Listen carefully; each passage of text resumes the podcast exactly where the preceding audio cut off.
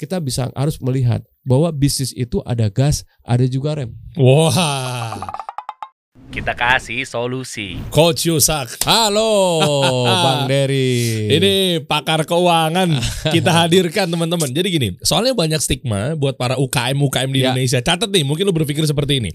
Katanya ada yang bilang kalau nambah cabang, Ya. nambah omset. Oke, Kalau nurunin cabang atau ngurangin cabang, malah nurunin omset. ya, Oke, satu tuh. ya, Dan yang kedua, apakah kalau nambah cabang Ya. itu mesti naikin omset? ya, Dan apakah nurunin cabang juga malah ya kau diturunin dikurangin cabangnya Ya. malah jadinya turun dong omsetnya. ya. Nah, Nah, itu tuh, itu Ya. satu yang mau kita bahas. ya, Dan yang berikutnya ini. oke. Ini hasil saya belajar di SFM Anda nih. Ya, ya, Bikin ya. melek nih. ya. Gimana, gimana, gimana? Ini gimana? matriksnya lucu loh guys. Ya, ya. Seru nih. Itu ada profit, surplus, loss, defisit gitu ya. Ya, Profit sama surplus kita nggak usah bahas lah. ya, Oke, tapi kok ada perusahaan yang profit tapi defisit? Emang Iya. bisa ya? ya, bisa dong, bisa banget. Dia ada untung, Iya, ada profit. tapi nggak ada uang ya, kan gitu kan? Iya, Oke, profit eh, defisit. Iya. Tapi perusahaan juga kalau eh, dia udah de- defisit loss itu Ah. parah ya. ya, ya, itu banyak yang kejadian. Ya, Oke. banyak yang kejadian. Wow, wow, ya, wow. dia udah loss, defisit lagi, kan kayak gitu kan? Iya. Jadi uangnya nggak ada, perusahaannya rugi, ah itu banyak banget, Hmm, banyak oke. banget. Dan ini cocok ya kita bahas di sini teman-teman ya semuanya. Ayo pasangin eh, ikat pinggang yang kuat, jangan ke mana-mana, catat yang baik karena ini penting banget. Terutama buat UKM lihat beritanya dari Kementerian Iya. Koperasi dan UKM nih. Persiapan usaha kecil ya UKM Tuh. ya menuju resesi ekonomi yang akan datang. Ini 2023 gimana nih? Nah, Gitu kan. Terus buat UKM gimana kan kira-kira gitu ya. Terus cara setting target Nah, gimana? salah setting target gimana? Terus menentukan cost structure, ah, struktur biaya. Ini penting. Ya Ah. 2023. Ah, jangan salah di sini. Planning-planning juga bisa Oh, dibahas. planning bisa. Terus cash flow management ini penting banget. Ini Oh, penting. banget. Wow, yuk kita mulai aja yuk. Penting nih 2023 nih keuangan-keuangan. Jujur gua aja ngandelin marketing pada saat itu ternyata Ya. butuh banyak ilmu-ilmu keuangan yang memang gua harus well, ketatkan lah gitu Gini. lah. ya. Orang marketing yang ngerti keuangan, Hmm. gitu ya. Hmm. Dia punya strategi mungkin 100 kali lebih banyak dari orang yang or dari orang marketing yang nggak ngerti keuangan. Bener. Serius loh. Serius. Kalau kita udah ngerti marketing, Hmm. ngerti keuangan juga, itu perangnya makin lebih sadis. Wow. Lebih sadis. Kenapa? Jadi Hmm. gini ya, teman-teman ya. Marketing ini kan kalau kita ibaratkan itu lagi perang, ya ini kan sebenarnya kan strikernya nih Iya, kan. iya, lagi nah. lagi main bola lagi strikernya. Hmm. Nah, ketika orang marketing juga ngerti keuangan, dia juga tahu tuh kapan nyerang, kapan dia bertahan. Itu makanya gue pengen belajar sama lu coach. Nah, makanya kemarin gue bela-belain ke Bandung. iya benar nih orang marketing yang gila. Soalnya gue takutnya ngegas mulu nggak tahu rem. ya betul, Iya betul. kan? Kita lihat ya sepak Hmm. bola ya, Hmm. yang namanya total football misalkan. ya. Oke. Wah itu gimana caranya semua pemain ya itu bisa berputar gitu ya. Yeah. Dia bisa betul-betul bermain seperti tim. Nggak ada tuh yang namanya tuh striker di depan sendirian Hmm. gitu ya. Ada waktunya dia turun, Oh, dia iya. bertahan segala macam. Jadi poinnya adalah yang penting ujung-ujungnya kan kita menang kan gitu ya. Hmm, iya iyalah. Ujung-ujungnya kita menang. Hmm. So nggak penting tuh. Lu harus di depan terus. Nah sekarang kalau kita main bola isinya striker semua gimana coba? Iya nggak bisa. kan gitu kan dan isinya pemain belakang semua juga susah juga nggak ada yang nyerang-nyerang Hmm. nah di sinilah oh, ketika orang marketing mulai belajar keuangan wah dia punya strategi lebih dahsyat dibanding Oke. orang marketing yang nggak ngerti keuangan Siap ya, siap ya. Saya jadi penasaran nih. Terus analogi terakhir nih ya sebelum kita lanjutin Ya, untuk bahas. ya. Analoginya bener juga. Soalnya ada orang beranggapan tadi em, nyerang mulu begitu udah banyak gol udah saatnya bertahan belum Ya, tentu ya. belum tentu Atau enggak ah kita udah menang nih, ya udah bertahan aja deh sekarang deh. Iya. Buang-buang bola aja belum Ya, tentu ya. iya Bisa jadi kecolongan. Iya, kita lihat aja Spanyol lawan Maroko kemarin Oh, kan gitu iya, kan iya. nyerang mulu dia tuh gitu Iya. kan. Iya, tapi yang masuk kan Maroko juga. Iya, iya. sorry nih, sorry nih teman-teman. Wah rame nih, rame nih, rame nih. Sorry, sorry, sorry. Teman-teman apa apa namanya fansnya Spanyol gitu. Iya juga. Iya. Nggak melulu nyerang-nyerang-nyerang Iya. tapi menang. Iya, ball position, Hmm, oke, ball position. And ending skornya gimana kan gitu kan? Oh ya oke. Ya udah ya udah. Oke yuk yuk mulai mulai mulai. Dari mana Yuk. coach kita bahasnya nih? Oke, kita akan bahas ya. Hmm. Tadi kan ada pertanyaan, Hmm. benar nggak sih nambah cabang, nambah omset? Hmm. Ini kaitannya sama strategi bisnis yang kita mau buat untuk 2023. Oke. Ya banyak teman-teman berpikirnya kayak gini. Berpikirnya itu kalau menurut saya eh Excel banget gitu ya, Mm-mm. Excel banget. Ya kan saya- harus pakai Oh, Excel. harus pakai Excel Ah, gitu ya. Tapi kan kita mesti lihat juga kondisi-kondisi yang lain. Hmm. Di atas Excel memang kalau misalkan saat ini kita punya cabang nih, misalkan kita bisnisnya restoran lah ya. Mm-mm. Kita punya cabang ada dua misalkan. Hmm. Nah, punya misalkan revenue-nya atau omsetnya misalkan sehari 10 juta. Mm-mm. Nah, kalau kita pengen punya omset 20 juta, ya caranya gimana? Nambah cabang dua lagi kan gitu kan. Hmm. Itu kan di Excel tuh kayak gitu. Sama di kalkulator kayak gitu kan. Gini, mindsetnya dibenerin dulu. Bahwa nambah cabang yang udah pasti nambah ruwet atau nambah eh, omset. Yang udah pasti dulu. Oke. ya. Nambah nambah biaya dulu Eh. atau nambah omset dulu yang udah pasti ketika nambah cabang. Ini belum ngomongin angka nih Belum ya. ngomongin angka dulu. Iya. Yang udah pasti terjadi Oke. ketika perusahaan ekspansi atau nambah cabang, nambah outlet, Hmm. buka cabang, ekspansi area baru segala macam, Hmm. yang udah pasti Mm-mm. omsetnya nambah atau costnya nambah. Oh kos lah. Oh itu kan Kos udah pasti. lah. Nah ini kan dulu ya. nambah orang. Kos. Oh, apa apalagi tuh bayar ini segala Iya. macam gaji karyawan, Apa namanya se- neon box. sewa neon box Uh. segala macam segala macam Iya, gitu kan. Kayak gitu-gitu kan. Maksudnya Nah. itu pasti keluar kos. Nah pasti yang duluan yang udah pasti Hmm. ketika kita ekspansi adalah cost dulu nambah. Oke. Nah, itu dal. Hmm. Yang kedua adalah baru ada opportunity, baru opportunity nih, peluang Hmm. untuk nambahin omset. Yang namanya omset itu opportunity. Iya. Gitu ya. Oke. Tapi cost udah pasti. Oh iya sih. Gitu kan. Iya Cost sih. ini- betul gak sih? Iya iya iya. Nah, sekarang bagaimana cost ini betul-betul bisa mengenerate opportunity. Nah, kita buka buka data ya misalkan ya. Saya Hmm. coba sharing ya. Wah, ini mantep nih. Nah, ini- Emang ini- kita harus konkret nih buka Ah, Excel atau data kayak Nah, apa kita, gitu. Kita coba coba buka data nih. Hmm. Saya ada satu data Hmm. eh yang saya ambil dari Dari mana coba? Coba. Nah, ini. Mana datanya? Coba kita lihat. Soalnya kalau ngomongin keuangan ya ya harus pakai data, coach. Ya, ya mau data, mau Excelnya, apa segala macam.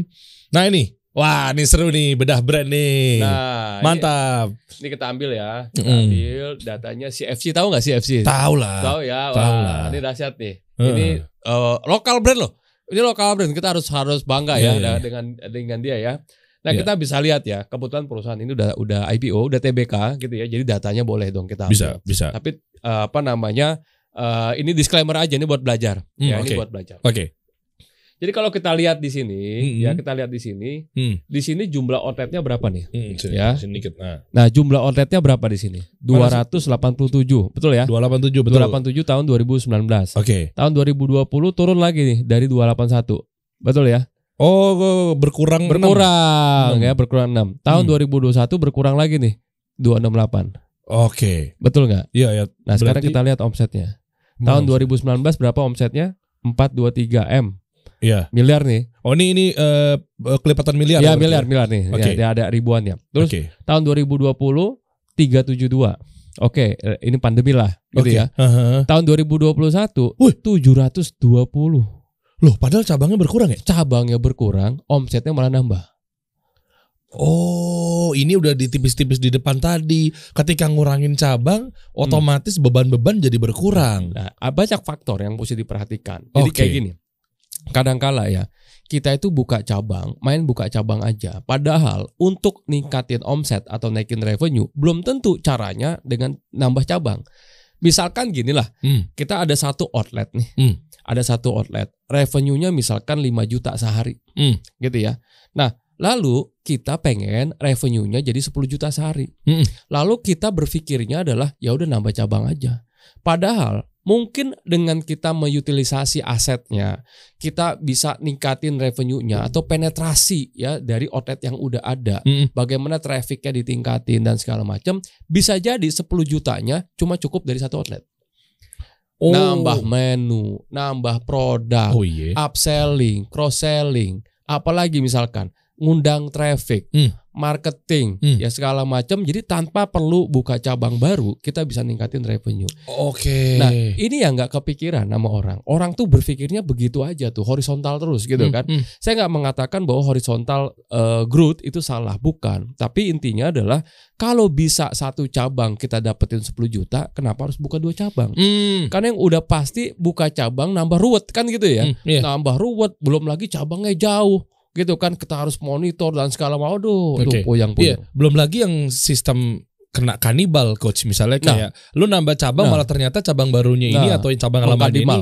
malah Betul. mengkanibal atau meng- mengsubsidi ke Iya, cabang yang baru Iya. gara-gara mungkin yang baru ternyata oh ada Betul. inilah Iya. kasus inilah jadi Betul. keuntungan yang ada di cabang yang lama Nah, pindah. pindah ke sini Iya. oper oper oper Iya. terus berpikir tahu gitu kita satu cabang aja difokusin Nah, itu satu. Yang kedua, Iya. kalau kanib misalkan di kanibal, artinya gini, kita buka cabang. Hmm.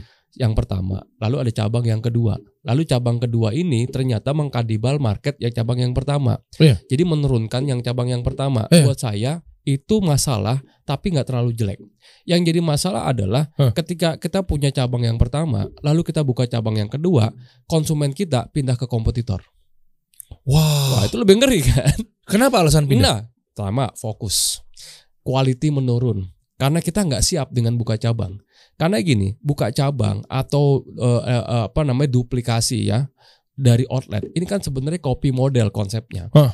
Model yang udah jadi, bisnis yang udah profit, Hmm. bisnis yang udah bagus, baru kita eh, duplicate. Hmm. Kan kira-kira kayak gitu ya. Hmm. Nah sekarang biasanya nih, ini ini juga pelajaran ya buat teman-teman semua ya pebisnis ya.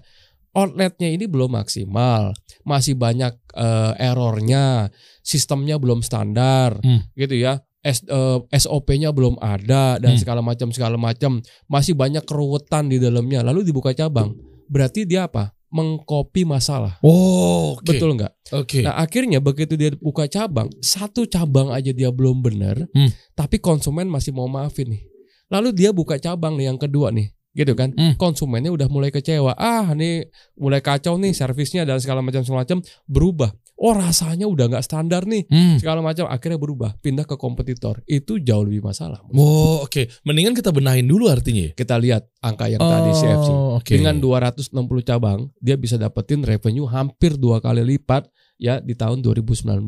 Kenapa? Ya salah satu mungkin adalah bagaimana dia mengutilisasi dari asetnya. Hmm. Ya, bagaimana dia bisa eh, penetrasi pasarnya. Hmm. Mungkin dia bisa lakukan strategi yang namanya upselling, cross selling, Hmm. new product launching di outletnya itu. Hmm. Terus dia juga bisa eh, apa namanya eh, brandnya itu di refresh lagi, di refresh lagi, sehingga orang itu nggak bosan datang ke sana dan segala macam segala macam, ya. Dan strateginya menurut saya bagus banget, menurut Oke. saya. Nah Oke. ini ini yang membuat saya pikir eh, dia eh, angka apa namanya CFC ini dia bisa melakukan yang tadi saya sebutkan. Oke, nah, ini coba kita bedah deh. Eh, eh, apa namanya? Excelnya ya di Ya. sini ya. Hmm. Artinya gini. Tapi kan itu kan expensesnya naik, coach. Ya. Lihat ya, coba ya kita Ya. fokus di tahun 2021 Ya, oke. yang mana horizontal dulu ya berarti bawah ya. Oke, Ya, oke. horizontal. Ya, oke. Di tahun 2021 itu ada tulisan operation expenses. Naik Oke, Ya. naik kan tadinya 2020 eh, 257 2019 di 257 M, M ya miliar, oke. ya. Lalu dengan 287 cabang ya. Ya, oke. Oke. Ya. Di tahun 2002 2019 Ya. eh, dengan 287 cabang Ya. menghasilkan eh, pengeluarannya itu Ya. 257 Ya. miliar. Ya. Lalu di tahun 2021, dua tahun Ya. setelah 2019 Oke. dengan cabang 268 which Ya. is itu turun berapa tuh? 287 ke Ya. 268 tuh berarti turun eh 19. Ya. Ya kan 19 cabang Ya, kan? Ya, 19 cabang dia betul, betul. dia tutup deh Betul, istilahnya. betul. Tapi OPEX-nya. OPEX-nya malah 398 miliar, Betul, coach. Itu betul. gimana caranya? Ah, coba selain ngelihat OPEX, coba lihat net income ya. Net income. Oke. Ya.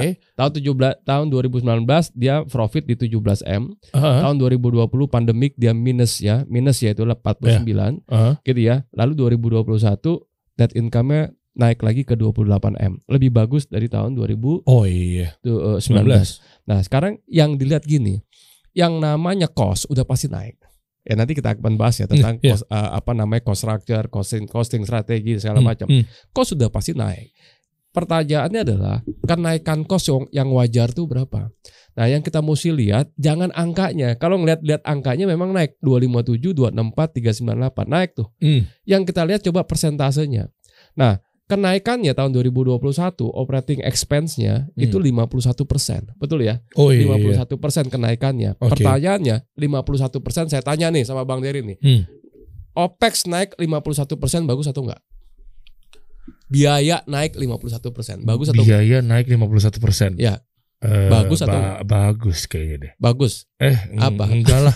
Enggak lah gede loh itu. Iya. Gede loh 51% kan gede. Pengeluaran kan? Iya, pengeluaran. Pengeluaran jadi naik kan? Iya, naik.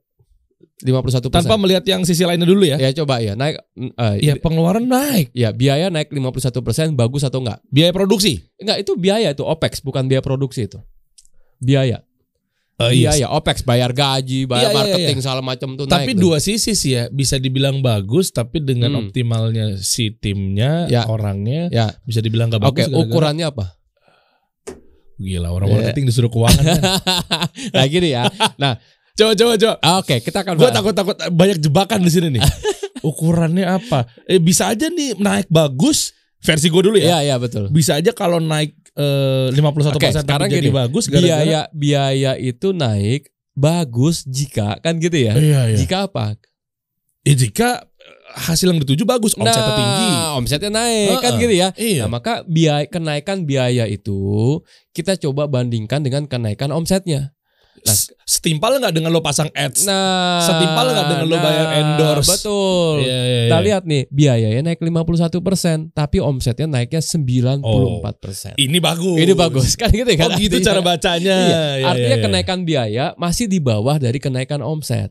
Itu yang kita mesti perhatikan. Jangan Ah. terbalik, kenaikan biayanya melebihi dari kenaikan omsetnya. Coba Ya, yang salah gimana? Misalnya ya simulasi misalkan nih, salah. Ah. omsetnya naik 94%, Hmm. tapi biayanya naiknya 200%. Oh boncos. Wah, boncos dong kalau kayak gitu kan. Boncos. Jadi itu akan menggerus margin. Nah, jadi kalau kita lihat di sini Hmm. ya, kita lihat di sini net income-nya malah tumbuh tuh. Ya dari 28 miliar tumbuh sebesar 158 persen. Uh. Sehingga kenaikan biaya 51 persen ya sangat bagus. Oh sangat bagus sih. Sangat Bener ya. Iya. Apalagi dia itu nggak lebih dari 60% ibaratnya ya. Iya. Eh, hampir eh, setengahnya. iya hampir setengahnya. ya. Hampir setengahnya dari eh, pertumbuhan revenue. Nah ini kita mesti jaga ya teman-temannya. Hmm. Jadi OPEX. Nah ini juga yang saya mau bahas hari ini bahwa OPEX itu resiko. Ya, Hmm. OPEX atau fixed cost. Saya mengatakan biaya tetap ini resiko dan kebanyakan dari pebisnis di Indonesia babak belur karena kebanyakan fixed cost. Sebentar, sebentar. Bukannya kalau kebanyakan fixed cost kita malah jadinya kan tadi lu bilang katanya apa coach? Ya, Eh, apa? babak belur, babak belur. fixed cost. Ya. Tapi kan kalau ada fixed cost kan malah jadinya harusnya nggak babak belur. Ya. Udah ada pengeluaran pasti sekian. Iya, pengeluarannya pasti, omsetnya pasti atau enggak? Sejujurnya gue anaknya fixed cost banget Iya, betul. eh, dibanding variable cost. Iya. Tapi variable cost jujur bagus juga sih. Ya. Tapi bahayanya mm, ada lah mungkin. Ya, ya. Beberapa. Tapi Ya. kita sekarang lagi bahas di fixed Betul. cost. Kan fixed costnya misalnya pengeluarannya berapa? 100 juta per bulan. Ya, fixed cost tetap tuh. Tetap kan? Ya, Pegawainya. iya, pokoknya semuanya. Semuanya. Biaya tetap yang harus di cover sama perusahaan. Iya, tapi kan kalau omsetnya tinggi kan lu cuma pengeluarannya 100 juta doang. Ya, misalnya kalau lu omset, dapat. kalau omsetnya tinggi. Makanya strategi marketingnya harus bagus. tetap tetap tetap. kita bisa lihat mungkin ya, kita bisa lihat coba yang ini. Berarti menurut lu gimana? Harus variable cost gitu? Enggak juga. Ah, jawabannya enggak tuh, enggak juga. Hmm. Jawabannya tergantung. Nah, kita bisa lihat ya. Hmm. Coba lihat Gojek habis PHK berapa karyawan. Oh iya, coba Iya, buka dong cost. datanya. Oh, itu pakai fixed cost ya? Ya, pasti fixed cost itu. Dia pasti mau ngurangin fixed cost. Bisa jadi lewat agensi dia lempar ada beberapa pro- program campaign enggak juga. Hmm, Yang-. Agensinya mungkin agensi in-house, Gojek sendiri atau agensi misalnya dia pakai Ogilvy, Densu. ya bisa jadi dia variabelkan. Ya, jadi Hmm. fixed cost dia coba variabelkan Hmm. misalkan ya. Hmm. Nah, eh, tapi yang udah pasti dia mau mengurangi resikonya. Udah pasti. Jadi kenapa dia melay off ya ribuan karyawan. Perusahaan-perusahaan startup sekarang melay off ribuan karyawan. Ya lepas dari banyak orang berpandangan soal apa. Kalau dari saya dari sisi keuangan, udah pasti dia mau mengurangi resikonya. Oh, Karena iya. fixed cost itu adalah resiko dan fixed cost itu adalah opportunity di saat yang bersamaan. Jadi fixed cost ini kayak pisau bermata dua nih. Hmm, hmm. Gitu ya. Di satu sisi dia sangat bagus, di satu sisi dia sangat jelek sekali. Nah, indikasinya apa? Ketika Nah. dia jadi bagus, ketika dia jadi jelek si fixed cost atau pengeluaran cost eh, expenses total expenses beban tiap bulan nih misalnya. Indikatornya, Hmm, indikatornya adalah penjualan. Gue share screen lagi ya. Boleh, boleh, boleh, boleh, boleh. Oke, ini coach ini kita lihat nih ya, coba. Ya. PHK massal 1300 karyawan begini kilas balik berdirinya Goto alias Gojek Tokopedia. Hasil merger ya, tuh. Gojek dan Tokopedia. Nah, ini ini fixed cost semua rata-rata. Kita ngomonginnya rata-rata deh. Ini fixed cost. ya kemungkinan besar 99% ini adalah fixed cost. Gaji tetap bulanan Waduh. gitu ya. Itu berapa dia bisa lakukan efisiensi? 1300 lu. Uh, banyak itu. Ya, itu nggak banyak nggak dikit, itu banyak banget gitu kan. Oh iya. Dan iya. berapa yang dia bisa efisiensikan dan bagaimana apa dampak dari pengurangan dari fixed cost tersebut. Oke. Kita lihat lah, let's say ya, ini salah satu contoh aja. Gojek eh, kita tahu lah, ini perusahaan kan masih rugi, Hmm. gitu ya. Perusahaan ini masih rugi. Iya. Lalu apa sih yang diharapkan sama si investornya? Hmm. Oke, karena dia udah jadi perusahaan publik, gitu ya. Tentunya, tentunya dia juga harus membangun citra kan, Hmm. harus membangun citra. Dan salah satu sekarang yang lagi banyak diperbincangkan kan adalah tentang, wah ini perusahaan rugi, perusahaan rugi dan segala macam.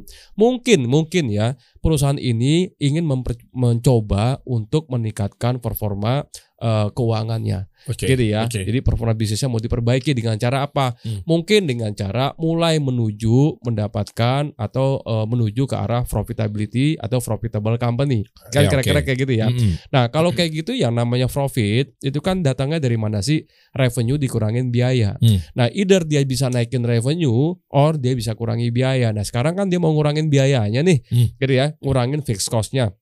Nah, kenapa? Karena fixed cost itu adalah resiko. Kalau makin gede fixed cost-nya, tentunya perusahaan itu sulit untuk mencapai yang namanya profitability. Hmm. Tapi ya, fixed cost itu bagus jika oke. nah gitu ya jika penjualannya udah mencapai jadi kalau saya bilang kalau di finance ya di keuangan itu ada beberapa analisa kapan perusahaan itu harus lebih banyak menggunakan fixed cost Hmm. ya Hmm. kapan perusahaan itu harus lebih banyak menggunakan variable cost dilihat dari sisi resiko dan opportunity-nya nah yang kita bisa lihat adalah dari penjualannya Hmm. nah analisanya apa aja kalau saya biasanya menggunakan analisa break even ya Hmm. break even. Itu break even itu adalah titik impas. Paling gampang gini lah.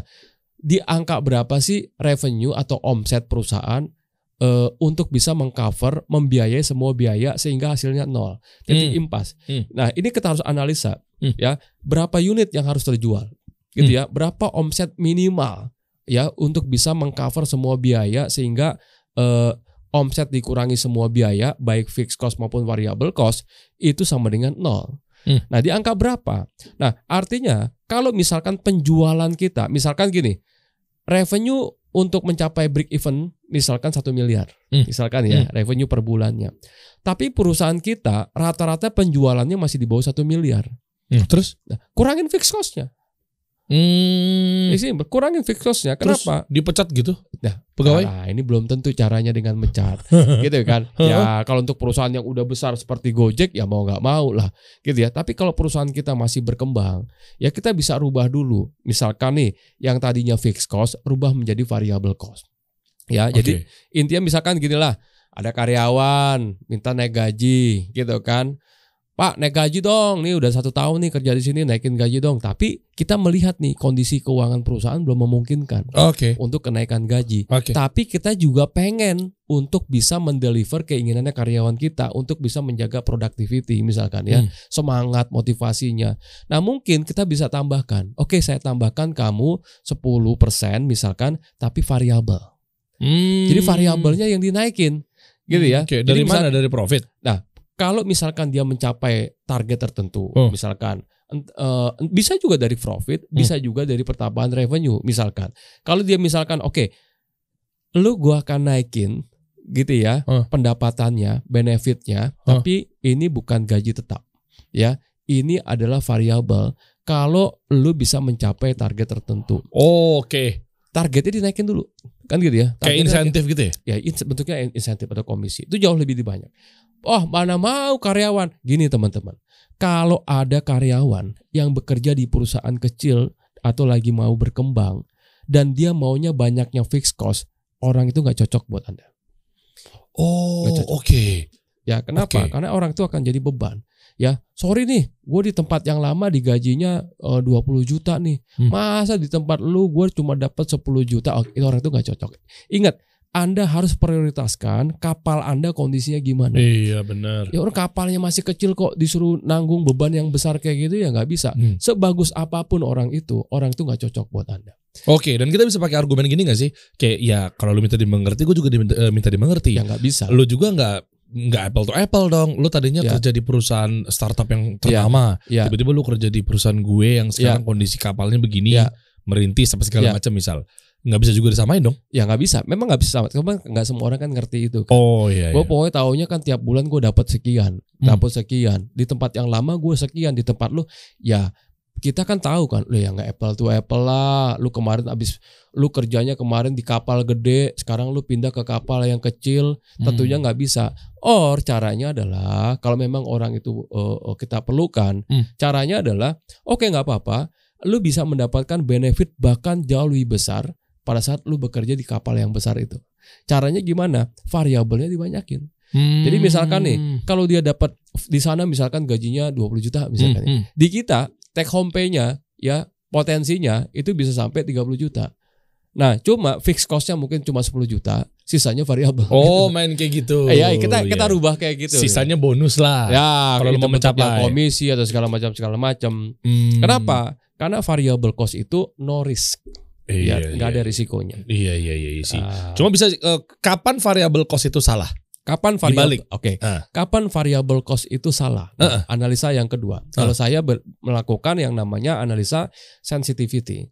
Oke. Apa itu analisa sensitivity? Saya coba men- men-set ya atau melakukan analisa ketika penjualan di angka berapa. Hmm. Iya. Pertama tentunya break even uh, point tadi ya kita analisa. Yang kedua, kita akan adu sensitivity antara penjualan dengan margin yang didapatkan.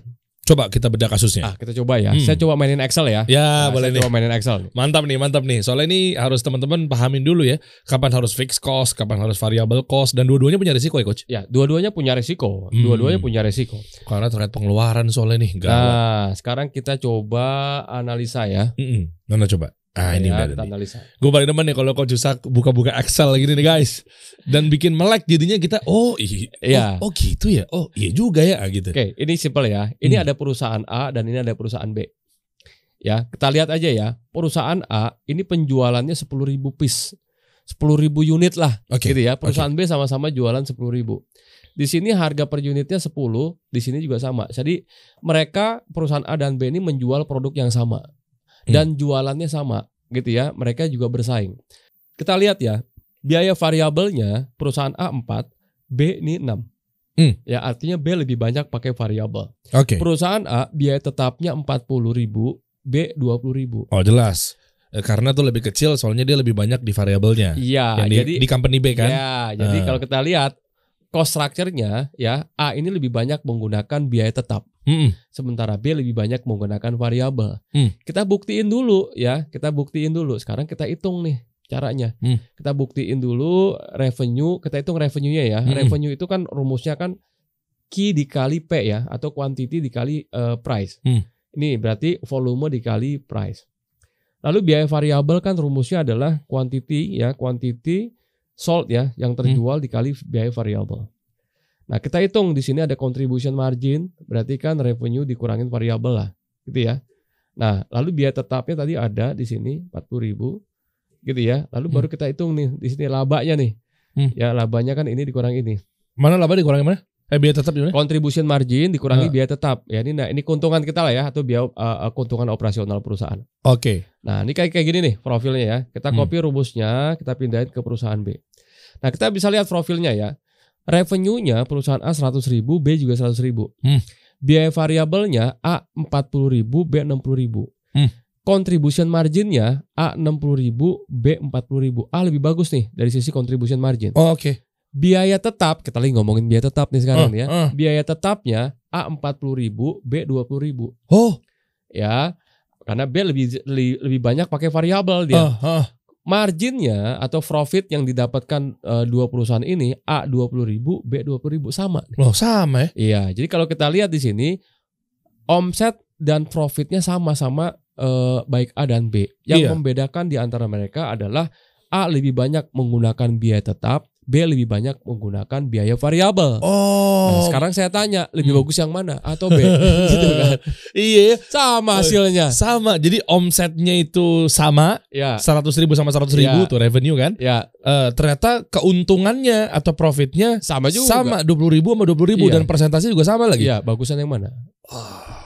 A atau B? Bentar, bentar, bentar. Ini gue gak mau kejebak nih. Iya, jangan kejebak lagi. Biaya ter- B. B lebih bagus. Iya. Ya, kenapa B lebih bagus? Eh, bentar itu hilangin hoveringnya apa namanya? Eh, kursornya coach. Oh, Eh, oke. bentar, bentar, bentar. 60 ribu contribution margin biaya fa- enam- Ya. B biaya tetapnya 20 ribu. Ya, jadi B lebih bagus. Heeh. Ya udah, kita buktiin. Enggak, sebenarnya gue anaknya fixed cost banget, tapi Iya. kalau gue ngeliat ini variabel Iya, eh, menarik juga ya. ya. Hmm, oke. Oke, sekarang kita lihat ya. Kita analisa tadi apa? Pertama adalah break even analysis ya. Oke. Kita hitung nih. A itu harus menjual 600 6.667 unit untuk bisa mengcover angka eh, untuk bisa mengcover semua biaya. Kita buktiin ya. Iya, iya. 6667. Eh. Tuh baru nol tuh. Sementara B cukup menjual 5000 Oke. ya. Maka B kalau jualan 5000 Heeh. dia bisa mengcover semua biaya. Jadi bagus atau B? B lah. Ya, B bagus lah di yes, sini gue ya. menang. Oke. Ini gak sia-sia guys, gue ikut SFM batch 17. Oke, itu baru satu analisa, Bos. Waduh, waduh, Belum waduh. selesai. waduh, waduh. Sekarang kita lihat ya. A ya. Nah, bagus kapan uh, A itu bagus? Kita lihat ya. Di sini saya coba pakai uh, sensitivity ya, rumus sensitivity si- sensitivity. Di sini saya adu ya, saya adu uh, volume penjualan terhadap net uh, atau profit perusahaan. Ini profit perusahaan nih sama-sama 20 ribu kan? Hmm. Ya, tadi Oke, kan? oke. Nah, sekarang kalau kita lihat perusahaan A, kalau dia nggak jualan, nol nih penjualannya nol, Hmm. dia rugi 40 ribu karena perusahaan ini harus mengcover fixed cost. Iyalah, 40 betul. ribu. Kan harus B, keluar 40 ya, ribunya. B kalau nggak jualan, pandemi nih tutup Hmm. semuanya, dia ruginya cuma 20 ribu.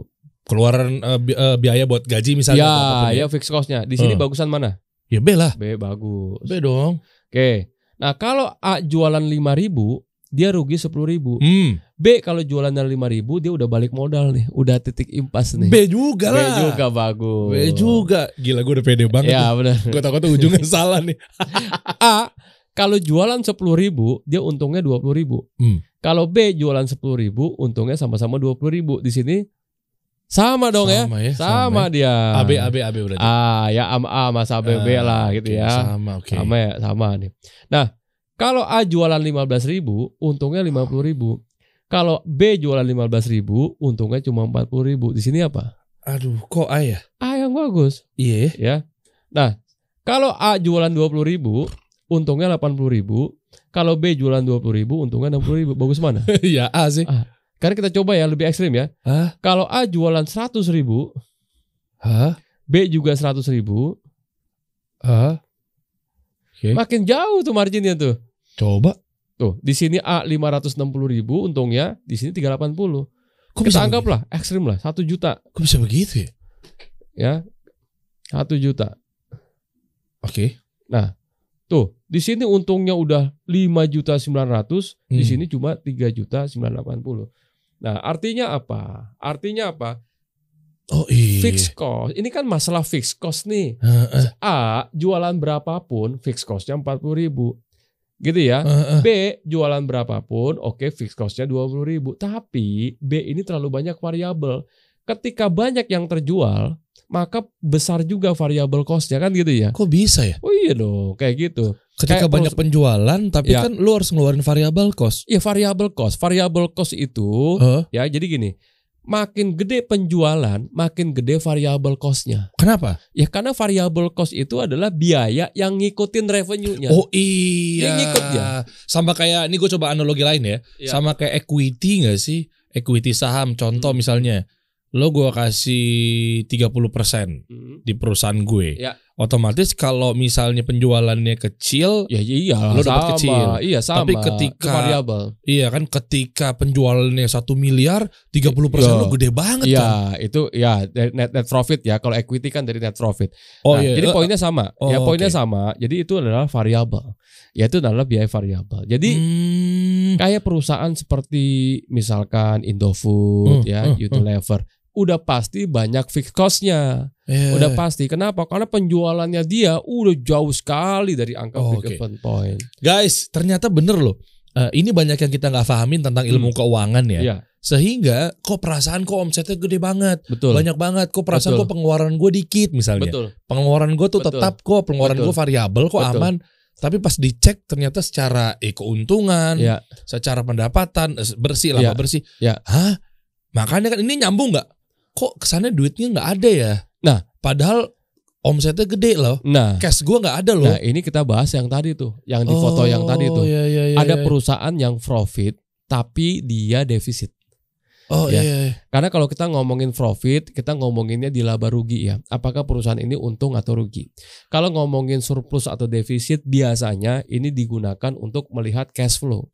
Kalau duit gue defisit ini berarti duit gue berarti pengeluaran itu lebih banyak dibanding uang yang masuk. Hmm. Kan gitu ya. Hmm. Oh, nih gue surplus nih. Ya surplus artinya uang yang gua yang masuk lebih banyak Lebih banyak dibanding daripada uang yang keluar. Iya. Kan gitu kan. Hmm. Nah, kalau kita ngomongin defisit dan surplus, kita ngomongin cash flow arus kas. Kalau Hmm. kita ngomongin profit and loss, kita ngomongin laba atau rugi kan gitu ya. Hmm. Nah, jadi ada perusahaan yang profit dan dia surplus. Memang bagus tuh. Jadi, lah. ya oh bagus dong, ya Heeh. profit, uangnya juga ada. Tapi ada perusahaan yang profit tapi defisit.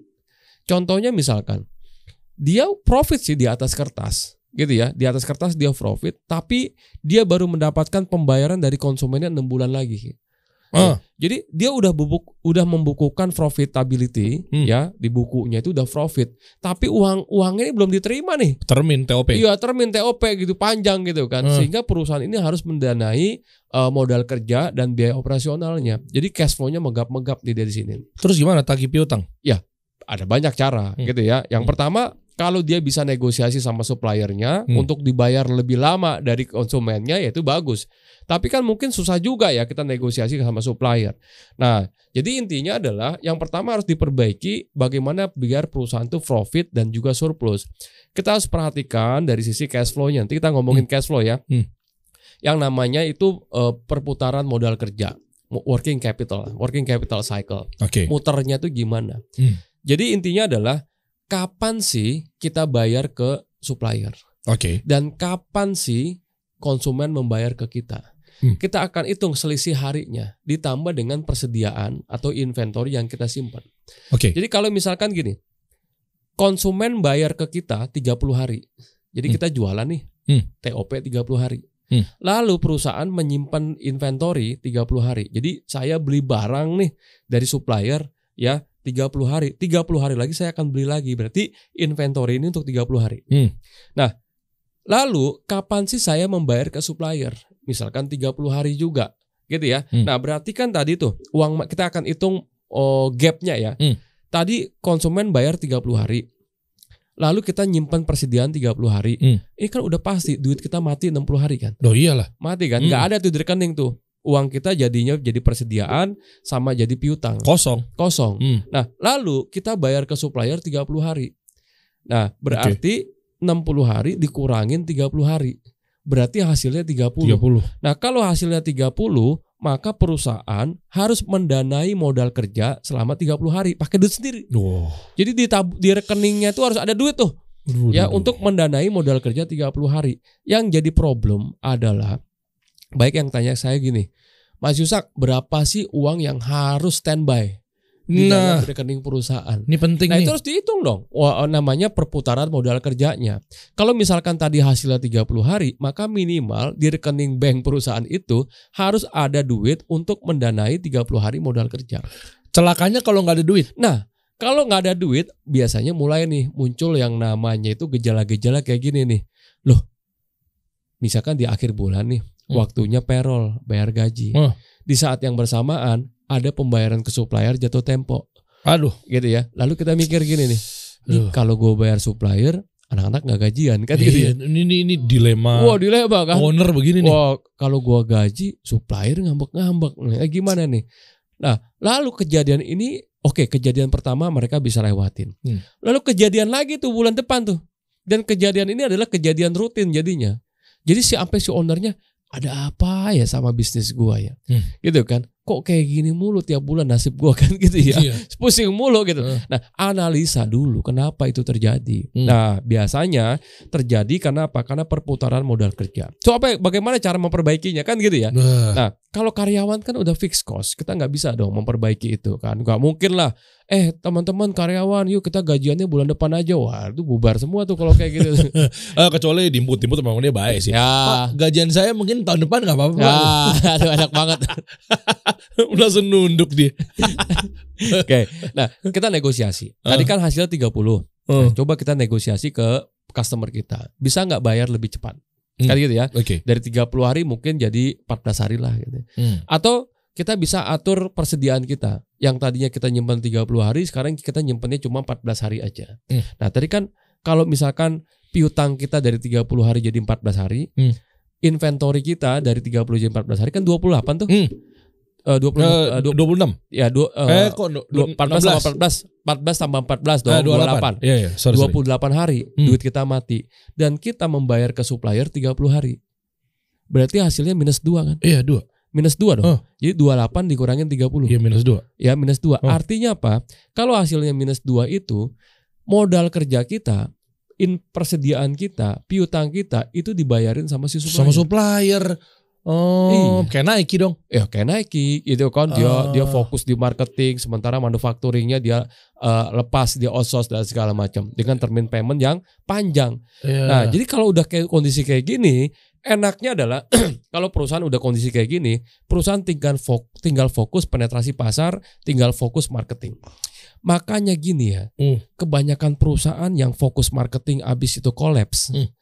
ya gini ya logikanya gini salah satu fungsi eh, ya ini nggak saya nggak mau debat dengan orang marketing ya salah satu fungsi fungsi marketing apa sih Wah. gitu kan fungsinya apa ya paling gampang gini Hmm. ya biar ujung-ujungnya kan naikin omset kan gitu ya Lah iya kan itu kan kita nggak bisa pungkirin peran marketing di Iya, situ kan. iya. Hmm. melalui prosesnya kayak gimana lah mau 4 P ke 4 ya itu proses gitu kan Oke, kayak oke, gimana oke. tapi ujung-ujungnya kan naikin omset betul Iya, ya iya. mau customernya nambah kayak mau brand awarenessnya lebih bagus kayak Hmm. ujung-ujungnya dampaknya ke omsetnya apa gitu ya. Hmm. nah itu kita bicara itu. Pada saat omset nambah ya misalkan nih omset naik nih dari satu miliar ke 2 miliar pertanyaannya adalah emang modal kerja lu nggak nambah? Oh, nambah. nambah dong Nambah lah. gitu ya kan? Jadi udah kita udah keluarin duit untuk marketing nih. Terus permintaan banyak nih. Hmm. beng tapi barangnya nggak ada. Oh, selesai. selesai. Gitu kan? Kenapa? Kok barangnya nggak ada sih? Kosong bos kosong lu sih jualan mulu gitu kan kayak gitu kan lu sih jualan mulu udah tahu nggak ada barang ya lu jualan mulu gitu kan Iya, iya, iya. lah tugas gue memang jualan lu gimana gue udah jualan udah ada yang mau barangnya nggak ada lu gimana sih kan gitu kan jadi salah-salahan tuh. tuh, Mm. kalau kayak gitu tuh Hmm. nah artinya apa makin besar permintaan makin besar juga kebutuhan modal kerja kita Hmm. Nah, kalau perusahaan ini jadi gini. Oke, marketing itu adalah eh, salah satu investasi. Hmm. Oke, tapi mesti diukur juga. Perusahaan ini secara fundamental keuangannya bagaimana? Hmm. Kalau misalkan tadi perusahaan ini working capital cycle-nya atau perputaran modal kerjanya udah aman, udah zero Hmm. hasilnya, gitu ya. Artinya semua piutang dan semua persediaan udah didanai oleh supplier. Di situlah saat yang paling tepat untuk kita gaspol. Hmm. gaspol. Kenapa? makin kalau kita marketing kita keluarin anggaran nih marketing satu miliar, Hmm. wow omset naik tiga kali empat kali lipat gitu Hmm, kan. hmm, hmm. Lalu modal kerja merem kita, kenapa? Karena udah didanai sama supplier. Kita tinggal minta aja, eh barang kirim, barang kirim, barang kirim, barang kirim, kan kayak gitu kan. Eh, eh. Nanti kita bayarnya kalau udah ada pembayaran dari konsumen, Oh, tuh sehat sih. sehat dong. Sehat Nah sih. di situ ada margin yang kita bisa gunakan untuk apa? Untuk marketing. Hmm. Nah sekarang perusahaan ini bayar ke suppliernya cash. Tiap hari bayar cash. Hmm, oke. Konsumen, eh supplier ngirim barang. Bayar, bayar, bayar, bayar, transfer, transfer, transfer. Terus udah tuh konsumennya bayarnya 30 hari. Waduh. Lalu persediaannya, ya persediaan yang kita simpan itu 30 hari. Artinya 30 tambah 30 dikurangin 0. Berarti kan perusahaan harus mendanai 60 hari Hmm. modal kerja. Eh dia gas tuh marketingnya tuh. Boom, Boncos. permintaan banyak, Udah tapi selesai. barang kosong kan gitu. kayak gini-gini nih memang memang Anda memang harus belajar banyak mengenai kedua belah pihak ini teman-teman Oh, ya. iya. Lu harus paham. ya bisnis kan harus dilihat keseluruhan. That's why Iya. saya mengatakan ya. Kenapa eh, ada satu riset ya di eh, ada satu saya pernah baca satu artikel bahwa mostly di eh, perusahaan-perusahaan di Fortune 500 Hmm. itu banyak banget CEO-nya itu backgroundnya dari finance. Hmm, oke. Kenapa? Ya kenapa? Bahkan Jeff Bezos itu juga orang finance. Terus juga CEO-nya LinkedIn, ya former CEO-nya Nike juga itu orang-orang finance semua. Tapi nggak semua kali ya. Nggak semua, Hmm. nggak semua, tapi lebih banyak. Banyak. Jadi lebih banyak orang finance dibanding orang marketing, Hmm. orang engineer atau segala macam. Hmm. Itu lebih banyak orang finance. Why? Karena orang finance biasanya dia bisa melihat bisnis secara holistik, Oke. secara 360 degree ya, Hmm. 360 degree. Jadi bisa ngelihat dari semua sudut. Kalau gue begini dampaknya apa? Dampaknya apa? Dampaknya apa? Nah, ini yang saya bilang tadi, saatnya orang marketing juga harus belajar finance, Hmm. biar sudut pandangnya itu jauh lebih luas Hmm. terhadap bisnis. Nah, kebanyakan kan orang marketing dia tuh hajar terus kan, hajar beli aja, gas aja terus. Peduli amat mau di belakang, kanan, kiri segala macam. Begitu dia digas, terus makin digas, makin hancur perusahaannya. Oh, iya sih. Kan kayak gitu kan? Iya. Makin hancur. Kenapa tidak bisa mendeliver value ke customernya? Akhirnya makin dia promosi, makin kencang terdengar gitu ya, makin yang dikomunikasikan adalah keburukan perusahaan. Hmm. Karena perusahaannya nggak bagus, nggak siap, quality kualitinya turun, Hmm. gitu ya, barangnya kosong terus. Kenapa nggak diatur tuh yang namanya modal kerjanya, gitu ya, Hmm. nggak diatur lagi masalah SDM-nya. Nah itulah kita bisa harus melihat bahwa bisnis itu ada gas, ada juga rem. Wah, wah. Karena ujung-ujungnya memang betul-betul akan ngaruh ke cash flow ya. Wah pasti, pasti banget. Oke. Ujung ya kalau udah masalah cash flow, gitu ya, ini masalah penyakit level 2 kalau menurut saya. Dia Hmm. Jadi sebenarnya cash flow ini adalah dampak dari keputusan-keputusan yang diambil sama si owner atau para CEO Hmm. yang dampaknya ke cash flow. Dan ini udah mulai parah nih penyakitnya. Hmm. Kalau udah mulai masuk ke ran- ranah cash flow. Hmm. Jadi cash flow itu nggak salah apa-apa. Cash flow itu kayak tempat penampungan masalah. Jadi kayak apa ya? Tempat ujungnya masalah itu ujung-ujungnya akan lari ke cash flow. Perusahaan bangkrut itu bukan karena dia rugi, tapi karena udah mulai masalah sama cash flow-nya. Karena nggak ada cash di tangan. Udah ya. gak ada duit gitu ya. Gojek rugi tapi masih punya cash Hmm. dan dia masih aman-aman aja gitu ya. Tapi perusahaan-perusahaan kalau udah kena cash flow-nya, nah ini biasanya mulai masalah. Makanya saya bilang cash flow itu adalah penyakit komplikasi. ya harus dibenahin sebenarnya. Itu harus dibenahin. Oke, cash is king gitu ya. Ya, cash is king. Terus gimana cash flow yang harus dihindari strategi-strateginya? Nah, Misalnya ketika kan biasanya kan kalau ngomongin cash flow itu kalau versi gue nih coach Ya. ya, itu kan nggak lepas dari mungkin dia utang, ya ya kan? Ya. Mungkin dia jual aset betul. ya kan? dan Ya. lain sebagainya. Ya. Nah, mungkin lu punya materi nggak? Ada Eh, ketika yang waktu di SFM ah, tuh ada ada coba Ah, ah. coba tampilin. Coba, coba, coba. tampilin. Soalnya kan cash flow tuh begitu ya, maksudnya ini tricky banget. Ya. Ketika kita bermasalah nggak punya cash ya, gue jual aset aja misalnya. Ya. Atau gue nyari investor aja. Ya, Ya kayak gitu-gitu kan? ya coba kita tampilin ya. Utang aja nih. Nah, kayak gitu-gitu harus teman-teman paham nih. Coba. Nah, tuh kan. Ini kan kendalanya Ya. kan. Pokoknya Ya. kan kalau udah ngomongin cash flow, lo harus Ya. naikin omset, Ya, lo harus eh, jual aset ya, atau dapat investor. ya, Nah, gitu-gitu kan ini sangat Betul. berpengaruh karena yang penting gimana caranya cash di tangan. ya, betul. Nah, coba mungkin lo bisa mainkan ya. iya. Aduh, ini deg-degan juga nih Iya, materi iya, ini nih. Kita tebak-tebak-tebakan ya. Jadi gini, teman-teman ya, kita ngomongin cash flow. Cash flow figur ya, atau figur dari arus kas perusahaan itu beda-beda. Hmm. Biasanya tergantung dari industrinya apa. Hmm. Ya, pertama industri lu apa? Kalau dia industrinya misalkan retail, Oke. trading, manufacturing gitu ya, atau industrinya misalkan eh, apa perkebunan, perbankan, dan segala macam. Hmm. Itu profil atau figur dari cash flow-nya beda. Oke. Ya itu mesti kita lihat dulu. Yang kedua adalah level dari bisnis. Hmm. Ma- bisnis yang masih kecil sama bisnis yang udah besar, profil cash flow-nya juga beda, Oke. gitu ya. Hmm. Jadi kita mesti lihat nih, kalau misalkan perusahaan Anda masih baru kemarin dimulai, lalu Anda bilang, "Ya, cash flow dari operasional gue negatif." Ya emang harus negatif karena lu baru buka kemarin kan gitu ya. Belum Iya, lah, iya. belum ngapa-ngapain. Iya, iya. Tapi kalau perusahaannya udah besar gitu ya, Hmm. terus dia cash flow dari operasionalnya negatif, ya apa ada yang salah dong kalau kayak gitu. Oke. Jadi kita mesti lihat dulu. Nah, cash flow itu kan ada tiga pintu ya. Hmm. Ngomongin cash flow arus kas. Hmm. Berarti kan uang yang ngalir kan gitu Hmm, ya. hmm. Uang yang ngalir. Nah, uang yang ngalir itu kan sama kayak air ya. Hmm. Ada ada yang aliran masuk dan ada aliran keluarnya kan Iya. gitu ya. Heeh, betul. Jadi ada ada yang masuk, ada yang keluar, muter aja ada tuh. Iya.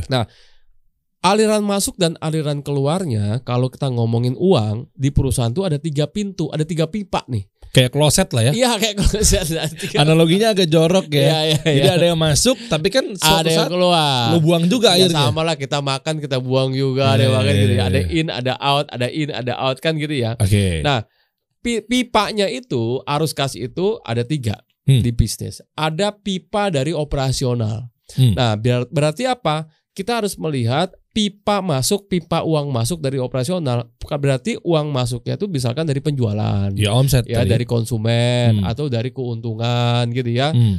Dari pembayaran piutang gitu ya. Hmm. Uang keluarnya apa? Bayar gaji, kan operasional ya. Oke. Bayar supplier, biaya marketing, perjalanan itu semuanya uang keluar dari operasional. Oke, itu berarti itu yang ada CFO. di kiri ya. Ya ada di kiri ya Yang atas CFO, betul. Cash from operation Tuh, namanya yang ya. kiri ya. Oke, ini ada Betul. kiri, tengah sama kanan. Betul, Oke. yang kiri. Kiri. Terus Nah, yang kedua adalah arus kas atau pipa dari investasi. hmm. Investasi itu apa sih? Kan kalau kita bisnis kan misalkan nih kayak gini nih kasih solusi kan mesti beli aset nih Hmm. beli apa bikin ruang studio ya kan beli TV itu disebut dengan investasi kan Oke. jadi dia membeli aset yang barang ini nggak habis pakai Meskipun itu aset bisa mengalami penurunan. bisa menurunkan depresiasi kita Oke. kita nggak bicara penurunan dulu ya Hmm. jadi di- kalau misalkan perusahaan beli aset baik itu bikin pabrik kah beli mobil kah beli mesin kah apa pun itu berarti kan ada uang yang keluar Hmm. gitu ya Hmm. karena dia belanja kan Hmm. kalau kita belanja kan uang keluar kan Oh, iyalah. mana ada kita belanja baju dapat bajunya tambah tambah dikasih duit kan nggak mungkin gitu. Iya. berarti ada uang yang keluar Eh. nah sebaliknya uang masuknya apa kalau kita jual aset Iya. kalau kita jual aset nih, misalkan nih eh, kasih solusi pengen oh, ruangan studionya jadi lebih gede, Hmm. lalu aset-aset yang lamanya mau dijual, kan gitu ya? TV, lampu, Eh, kamera, ini aset semua kan? Aset semua, Oke. aset semua mau Eh. dijual, kan berarti kalau kita jual aset ada uang masuk, Ada. ada uang betul. masuk. Nah itu yang disebut dengan cash from investing atau yang di tengah tuh, Ah, ya tengah. CFI ya, Oke. gitu ya, investasi. Oke. Nah, yang ketiga adalah yang ketiga adalah cash flow from financing atau cash flow dari pendanaan. Hmm. Contohnya apa? Kita operatingnya masih negatif nih. Hmm. Tapi kita pinjam uang. Nah, kalau kita pinjam uang kan ada uang masuk. Ya iya loh. Betul kan? Heeh. Terus eh, kalau kita cari investor, Masuk juga. masuk juga gitu Hmm. kan ada uang masuk. Hmm. Nah, kalau ada kita dapat pinjaman, dapat dari investor itu sebut dengan cash in from in eh, financing. Hmm. Jadi kita dapat duit masuk nih Ya, dari ya. pendanaan. Nah kalau cash outnya apa? Kalau arus kas keluarnya kita bayar dividen. Bagi- ya. iya, rapat umum pemegang saham. Ya be- dibagikan dividen sekian persen misalkan Hmm, gitu ya. hmm. Nah itu dibagiin. Terus yang kedua bayar pokok hutang. Ya, Hmm. utang kan mau dibayar. Nah. Kemarin gue ngutang nih, sekarang gue mau bayar. Huh. Kan keluar uangnya kan. Iya. Nah itu namanya cash out from financing. Oke. Nah, sekarang pertanyaannya kan gini. Apa nih? Kenapa tadi ada perusahaan kayak Gojek dia rugi Hmm. tapi masih sehat? Hmm. Kenapa? Karena cash from operatingnya memang negatif, tapi cash from financingnya masih positif, kan gitu ya? Karena disuntik investor. Ya disuntik investor, dia baru juga go public dan segala macam, ada dana yang dia bisa tarik gitu ya dari pendanaan gitu ya untuk bisa menjalankan eh, bisnisnya. Oke. gitu. Nah, Oke. jadi kita bisa lihat nih. Hmm. Nah sekarang kita mesti lihat nih. Ada empat kondisi nih, Bang Dery. Aduh, aduh, aduh, aduh. Nih. Tebak-tebakan Nah, sekarang gua kasih tebak-tebakan Oke. ya tentang cash flow. Ini ada empat kondisi Hmm. tentang arus kas. Ya, kondisi yang pertama adalah cash from operatingnya negatif, Hmm. cash from investmentnya positif, Hmm. cash from financingnya juga positif. Lalu yang kedua adalah cash from operatingnya eh, negatif. Ini cash from operatingnya negatif semua ya. Pokoknya saya buat negatif ekstrim lah kayak Satu gitu ya. dua tiga empat tuh artinya kalau negatif yang sebelah kiri Ya. itu berarti dia nggak ada pemasukan. Rugi, rugi lah, rugi, Rugi, lah rugi, kayak rugi. perusahaannya rugi. Ya nggak ada omset dong. Ya, omsetnya ada tapi biayanya lebih besar dari omset ya kan oh, gitu ya. misalnya tadi eh, omsetnya 50 juta tapi biaya lu 100 juta. Ya, ya gitu. Jadi dia Ah, rugi lah. Rugi ya, lah. perusahaannya oke. rugi. Yang kiri tuh. Ya, oke. rugi ya. Jadi OPEX cash from operatingnya dia negatif. Hmm. Lalu yang nomor dua, cash from op- operatingnya negatif, cash from eh, investmentnya juga negatif. Lalu cash from financingnya positif, gitu Hmm, ya. Oke, oke. Cash nomor tiga, cash from operatingnya negatif, from investmentnya positif, from financingnya negatif. Nomor empat, cash from operatingnya negatif, cash from investmentnya negatif, cash from financingnya negatif. Nah, kira-kira nih yang paling jelek yang mana gitu? Eh, kalau kata meme-meme gitu kan, ketika orang marketing berbicara finance. Ah, jadi sebentar, ini jadi buat orang-orang marketing juga jangan melulu debat sama orang finance. iya, Lu jangan. juga harus tahu dulu nih. Iya, Jangan-jangan yang lo debatin ternyata malah kesalahan jatuh pada marketingnya. Iya betul. Ya, ya, Banyak ya. kan gitu. Dia ngebelain diri sendiri. Curang. Eh, eh, eh, Oke, yang minus- mana nih? Yang paling parah sih ya, ya minus semua tuh nomor 4 Iya, beda semua. Gak ada duit masuk gitu ya. Iya, lu bayangin, nggak ada duit masuk, rugi. Tapi beli aset. Udah rugi beli aset, owner macam apa Anda? Iya. Udah tuh bayar utang lagi. Keren kan tuh? Kelakuan Anda mi- minus, bukan cuma omset Ya, Anda yang minus, berarti- kelakuannya Anda. Ditambahin tambahin lagi, minus. tambahin lagi di sini. Kelakuan. Kelakuan tambahin, kelakuan lu minus berarti, bukan lagi masalah minus-minus yang lainnya. Udah bener, owner kayak gitu kelakuannya minus. betul. Betul. Betul tuh. Jadi ini gimana caranya nih? Semuanya negatif. Berarti kan uang keluar semua ya. Gak ada uang masuk. Coba coba, nomor satu gimana nomor satu? Nah, kita bahas ya. Aha. Eh, tadi tadi Bang Dery ini jawab nomor 4 nih teman-teman nih ya. Kita akan lihat. Nomor satu, cash from operatingnya negatif, berarti dia rugi. Ya, anggap Hmm. dia rugi ya. Lalu cash from investmentnya positif, berarti dia jual aset. Sekarang logikanya perusahaan rugi lalu jual aset. Ya Kira-kira- dapat uang lah. Iya, iya dapat duit. Kira-kira kondisi perusahaan lagi kayak gimana tuh? Ada perusahaan rugi, lalu perusahaan itu jual aset. Iya rugi jual aset kan? Iya betul. Berarti perusahaan itu lagi apa tuh? Lagi nggak sehat kan? Lagi nggak sehat. Ah, Hmm. jadi yang kedua, yang ketiga, cash from financingnya positif, tapi dia masih dapetin pendanaan. Entah itu bentuknya utang Hmm. atau itu bentuknya misalkan equity atau apa pun itu ya. Pokoknya ada dana masuk dari pendanaan tuh. Tapi kan Nah. jadi utang juga. Iya, jadi utang juga, tapi ada duit masuk. Sekarang gini, ya logikanya ya. Hmm. Ada perusahaan rugi. Lalu dia beli aset. Eh, dia jual aset. Tapi masih ada orang yang percaya. Kan gitu ya, kira-kira ya.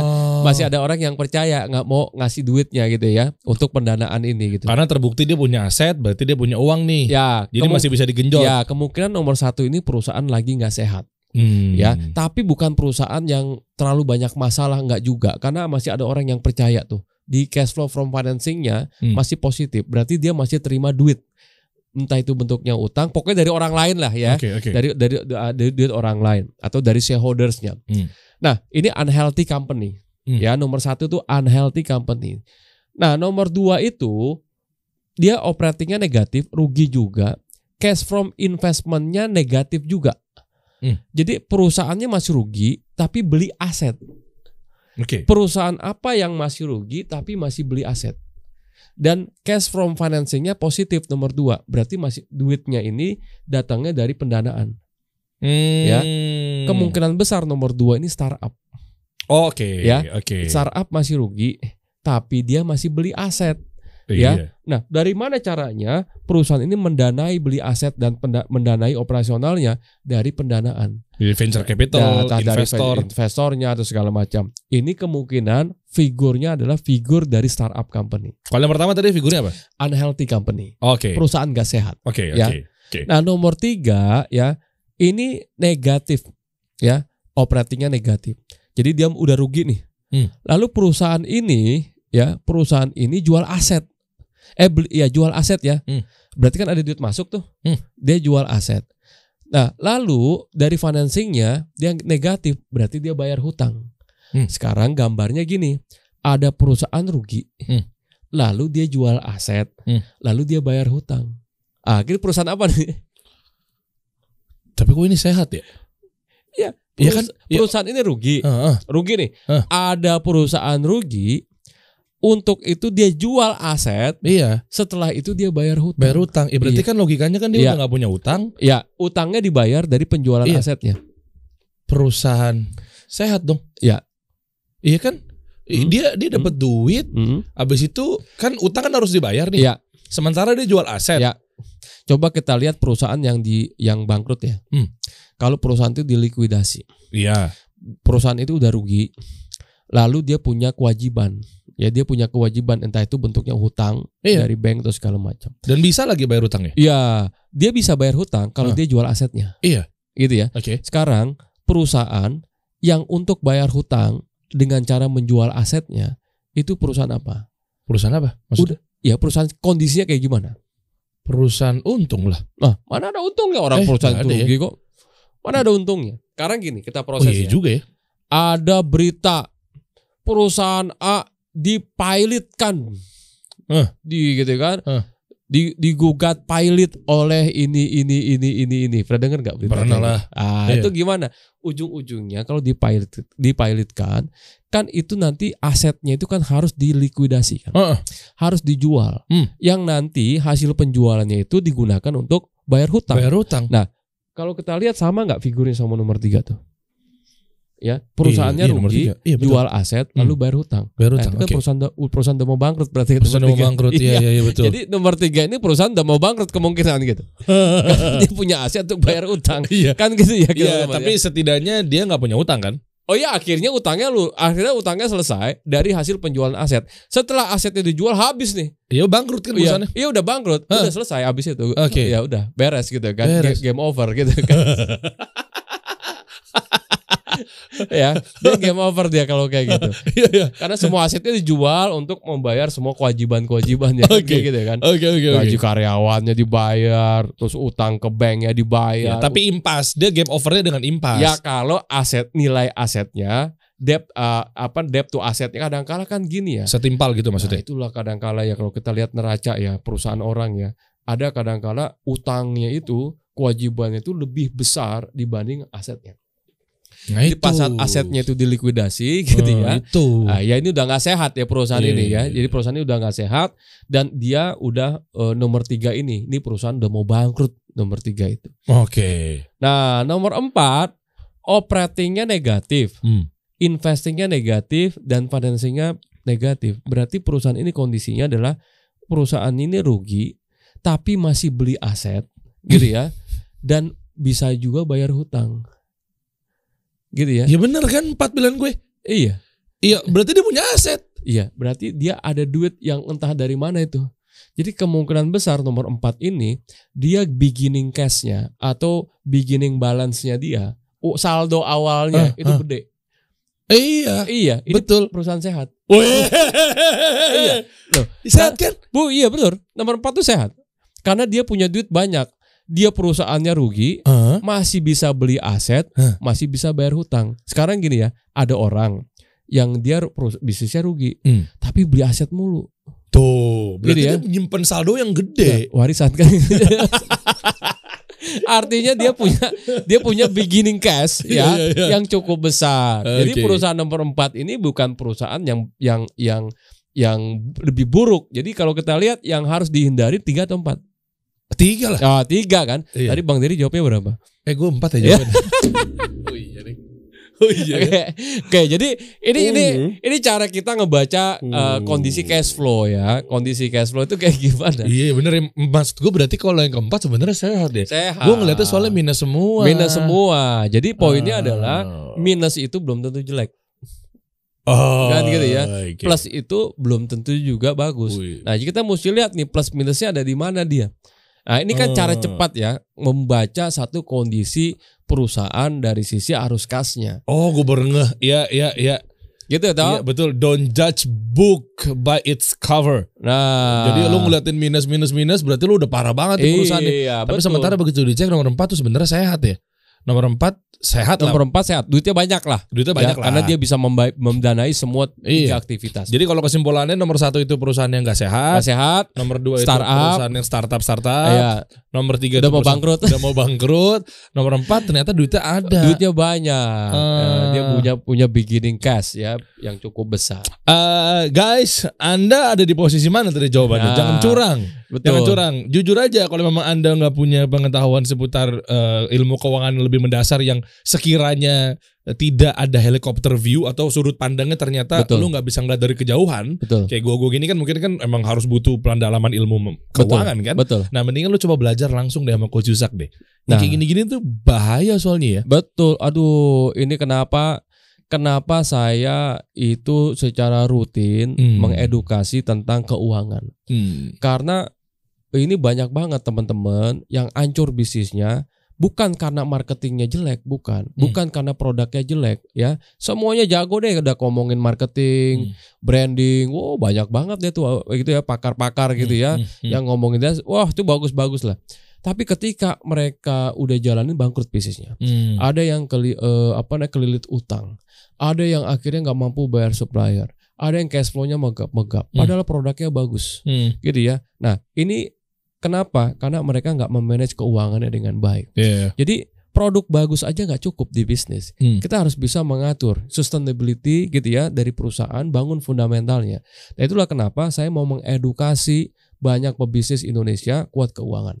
Nah kalau kita ngerti keuangan, kalau kita ngerti keuangan, apa pun backgroundnya, ini kan Bang Dery ini CEO yang lebih banyak backgroundnya dari dunia marketing. Hmm. Yeah. Ada juga CEO yang backgroundnya dari operation. Hmm. Ada CEO yang backgroundnya dari orang-orang sales. Hmm. Ada CEO yang dari orang-orang HR. Oke, nggak apa-apa. Apa pun background Anda. Hmm. Ketika Anda memimpin perusahaan, gitu ya, baik ini perusahaan Anda sendiri ataupun perusahaan orang lain, Anda wajib belajar keuangan. Tuh, bener. Wajib itu. Sama seperti gua, gua tadinya gue pikir juga sama ya. Maksudnya tadi udah Hmm. sempat gue bilang juga mengenai kayak marketing tuh begini strateginya kayak apaan tahu. Betul. Tapi ternyata banyak hal-hal yang sudut-sudut yang kita lengah di situ. Iya.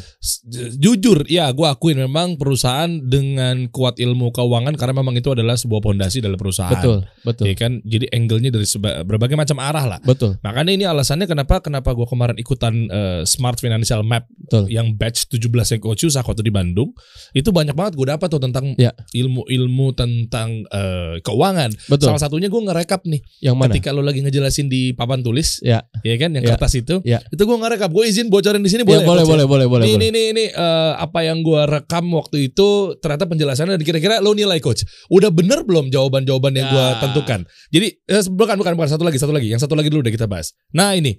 Jadi yang warna biru itu tuh yang gua simpulkan Ya. hasil dari belajar eh, Ya. di workshopnya Coach Yusak waktu di SFM du- eh, angkatan 17 ya. Ya. Nah, jadi kan ini ada matriks yang gue suka banget. Ya. Ini kan beliau nih, teman-teman. Ini kan lagi jelasin. Ternyata matriks ini gue suka banget melambangkan profit atasnya profit, ya kan? Ya. Bawahnya pasti loss. Ya. Karena profit and loss. Ya, profit and loss. Ya, yang sebelah kanan itu adalah surplus, sebelah kiri adalah Ya, defisit. Ya. Nah, matriks ini melambangkan ketika perusahaan lo ada misalnya duitnya ada nih profit, Ya. tapi kok malah defisit Ya. atau profitnya ada. Ya. Alhamdulillah surplus. Betul. Yang lebih parahnya lagi udah defisit, rugi lagi. Betul. Nah, ternyata yang warna biru ini hasil yang gue pelajarin. Ini Ya. gue bongkar di sini betul, ya. betul. Boleh dong, Nah, boleh ternyata dong. begitu penjelasan dari Coach Yusak. inilah orang marketing yang udah ngerti keuangan. ini kesimpulannya nih. Ketika gue ada di posisi yang nomor satu, gue harus ngapain? ya. Di nomor dua gue harus ngapain? Iya. Nomor tiga gue harus ngapain dan nomor empat gue harus Iya, ngapain. Ternyata simpulannya gue dapat dari ilmu Coach Yusak waktu Hmm. di SFM Hmm. batch 17. Ya. Yang mana nanti teman-teman akan ada dibuka 18 ada kan? Ada apa Nah, Insya ini ya, ini gue bocorin ya apa yang lo harus Ya. pelajarin ketika lo daftar di batch 18 nih. Ya. Ternyata kalau kondisi di profit sama eh, profit dan surplus, lo tinggal gaining market. Betul. Lo bisa Betul. gencar-gencaran dong. Betul. Di ya, long term, long term. Long term Iya, mainnya long- ya kan betul. misalnya lu branding dulu. Ya, boleh lah, dimaafin Boleh lah kayak kayak gitu ya. Terserah. Di- dimaafin. dimaafin. Jadi gue boleh dong bilang sama Boleh. lo Misalnya kita satu perusahaan Gue bilang kayak Ya. Eh gue mau nambah eh, Gue mau memperbagus Scale up studio podcast ya, gue dong Boleh dong. branding. Boleh, boleh. Untuk tahun depan gue Ya. bisa eh, Tujuannya segini ya. Mungkin lo akan bilang Tapi kan itu lu perbuatan yang bukan main cepet der Ya. itu lu lu butuh waktu yang lama Betul. untuk sales gimana lo kadang per- perusahaan gue lagi profit sama Iya, lagi sehat. Lagi sehat. Lagi sehat. gue bisa dong Betul. scale up studio gue Ah, Iya. itu kan hasilnya kan? Boleh, boleh. mantap Boleh. long term program Iya. gitu kan nambah cabang boleh dong Boleh, Boleh boleh. dong. Dimaafin. tuh ya. Orang marketing harus tahu begitu guys. Nah kalau kondisi yang kedua, ketika lu surplus tapi rugi. Iya. Nah ini sebenarnya gue agak bingung nih coach di sini. Makanya Ya, gue oke. mau nanya ya. Lu Oke. bisa jelasin. Makanya itu Oke. gue isi. Ya. Sekalian gue mau tanyain juga sih Oke, sebetulnya. oke. Ya lu bisa jelasin nggak? Jadi gini, Hmm. eh nggak sel profit perusahaan rugi belum tentu salah. Oke. Perusahaan untung belum tentu benar. Hmm. Kayak gitu ya. Hmm. Jadi kita akan kembali lagi ke gamenya. Hmm. Jadi contoh gini, apakah setiap tim sepak bola Hmm. yang bertanding menang adalah tujuannya? Iya iya. Belum tentu. Belum tentu. Belum Menang tentu. tujuannya. Pernah nggak dengar istilah kayak gini ya? Ada gini ya kondisi ya. Hmm. Ah, gue cukup main draw aja deh. Oh tahu gue. Gitu ya. Misalnya ada kepentingan-kepentingan tertentu Ya. ketika lu pengen. Or or pelatihnya gini. Oh. Pelatihnya kayak gini. Lah kita mah udah pasti juara grup. Yang diturunin second layernya aja deh. Eh. Biar mereka jam menit bermainnya lebih banyak. Kan gitu Iya, ya. Bisa. Kalah nggak apa-apa. Kalau udah kalah juga udah juara pasti juara grup. Nah itu satu. Yang Iya. kedua daripada ntar gue ketemu Brazil. Ah iya menghindari ya. Mendingan gue runner up Runner aja. up aja cukup. di grupnya Iya, kan banyak Iya yang kayak juara gitu. kan. runner up gitu Iya, kan betul. Kayak gitu bisa ya Betul bisa. Oh, Artinya apa? Artinya belum tentu tim sepak bola ketika bertanding itu menang adalah tujuannya. Belum tentu. Hmm. Dia tergantung dari tujuannya apa. Ada ya udah mostly pasti tujuannya pengen menang gitu ya. ya Pengen menang. Tapi strategi untuk menuju juaranya itu kan banyak. Hmm. Tadi tuh menghindari lawan berat gitu ya. Hmm. Atau mem- apa namanya karena udah di atas angin Hmm. memberikan kesempatan untuk para talent-talent muda untuk punya jam terbang bermain kan gitu ya. Ya, betul Nah itu kan tergantung tujuannya. Nah sekarang di bisnis juga sama. Ya bisnis itu punya tujuan yang banyak. Apakah Gojek ketika dia membangun bisnisnya tujuannya adalah selalu profit? Oh belum tentu. Belum tentu. bisa jadi mungkin dia mau market leader Tujuannya jadi market leader, tujuannya adalah customer acquisition gitu ya Mm-mm. dan segala macam itu adalah tujuannya. Hmm. Dan dia sadar, dia sadar bahwa untuk mendapatkan tujuannya ini kemungkinan besar dia rugi. Dia tahu itu loh. Dia Ah, tahu. asal surplus Ya, asal dia surplus dari Oh. dari pendanaannya dan tujuannya adalah tadi itu ya dapetin dulu eh, apa eh, customer, dapetin data dan segala macam. Itu jadi tujuannya dia. Jadi kalau ngeliat kondisinya kayak gini, apakah Gojek rugi itu salah? oh enggak Enggak kan gitu ya. oke Nah, sekarang ada perusahaan yang punya tujuan adalah profitability. Hmm. Nah, ketika dia tujuannya adalah mencapai profitability atau Hmm. menja- membuat perusahaan ini lebih profit, lalu dia loss, salah atau enggak? Ya di situ Hmm, salah kan gitu ya. salah sih Karena tujuannya adalah untung tapi dia tapi rugi. mau rugi Nah, di situ lo salah. Nah, di sini kita akan lihat nomor dua itu belum tentu salah. Hmm. oke Ya, perusahaan yang rugi itu belum tentu salah. Jadi ke, again akan kembali lagi ke tujuannya. Hmm. Sekarang pertanyaan saya adalah ya kalau misalkan perusahaan ini pengennya profit tapi dia loss dengan kondisi cash flow-nya surplus. Hmm. Bagaimana yang mereka bisa lakukan? Nah, Nah, itu. berarti kita balik lagi. Yang namanya profit and loss itu kan datangnya dari mana sih? Gitu ya. Dari omset dikurangi sama biaya. Hmm. Nah, yang kalau kayak gini caranya adalah coba Anda review, kita review lagi yang namanya struktur biayanya. Hmm. Ya, bisa jadi di situ gede biayanya dari biaya apa? Dari OPEX-nya terlalu besar, tadi fixed cost-nya terlalu besar, Hmm. ya. Coba Hmm. kita rubah. Terus misalkan ada biaya lagi marketing yang terlalu nggak nggak terarah, akhirnya coba kita kecilin. Hmm. Ada misalkan ada biaya distribution dan segala macam kita coba efisiensi dan segala macam. Sehingga cost-nya lebih kecil dibanding revenue-nya. Hmm. Sehingga perusahaan tuh jadi perusahaan yang profit dan surplus Hmm. dan dia pindah kuadran tuh dari dua ke nomor satu. satu oke berarti cara caranya tuh harus tahu ya Harus tahu. Nah ini yang Oh. kadangkala yang yang saya pengen sampaikan ya teman-teman ya. Kita kadangkala suka ngikutin ngikutin strategi bisnis orang plek ketiplek. Kan Iya. gitu ya. Plek ketiplek aja tuh. Pokoknya amati, tiru, plek-plek kan gitu ya. bukan modifikasi Bukan lagi modifikasi lagi. ATP dong ATP gitu ya. Amati, tiru, plek-plek.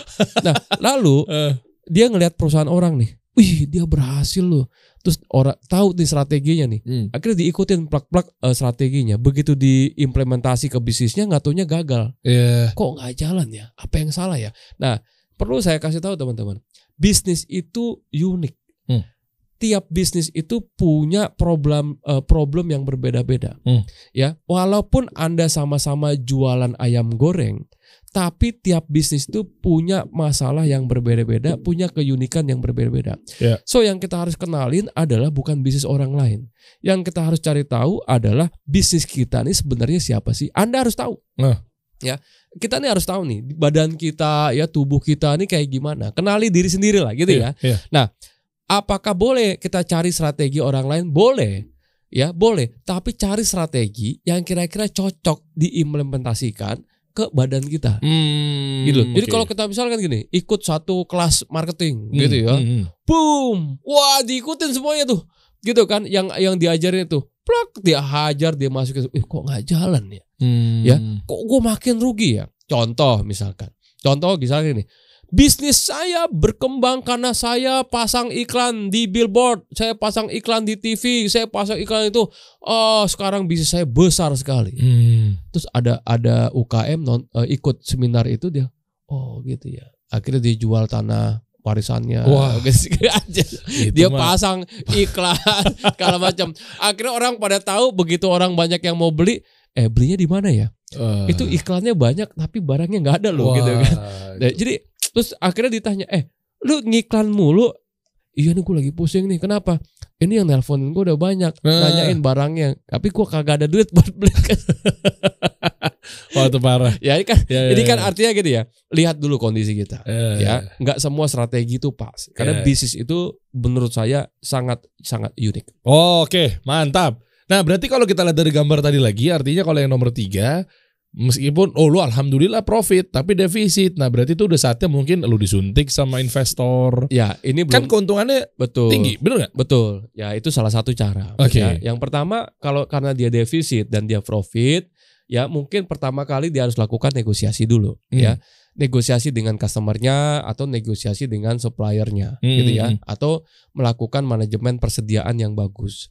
Nah, yang kedua adalah di sini memang kita bisa lakukan eh, restructuring ya. Hmm. restructure misalkan ya ada misalkan kita minta ke suppliernya gini bilang ke suppliernya gini misalkan kita bayar ke suppliernya itu eh 30 hari Hmm.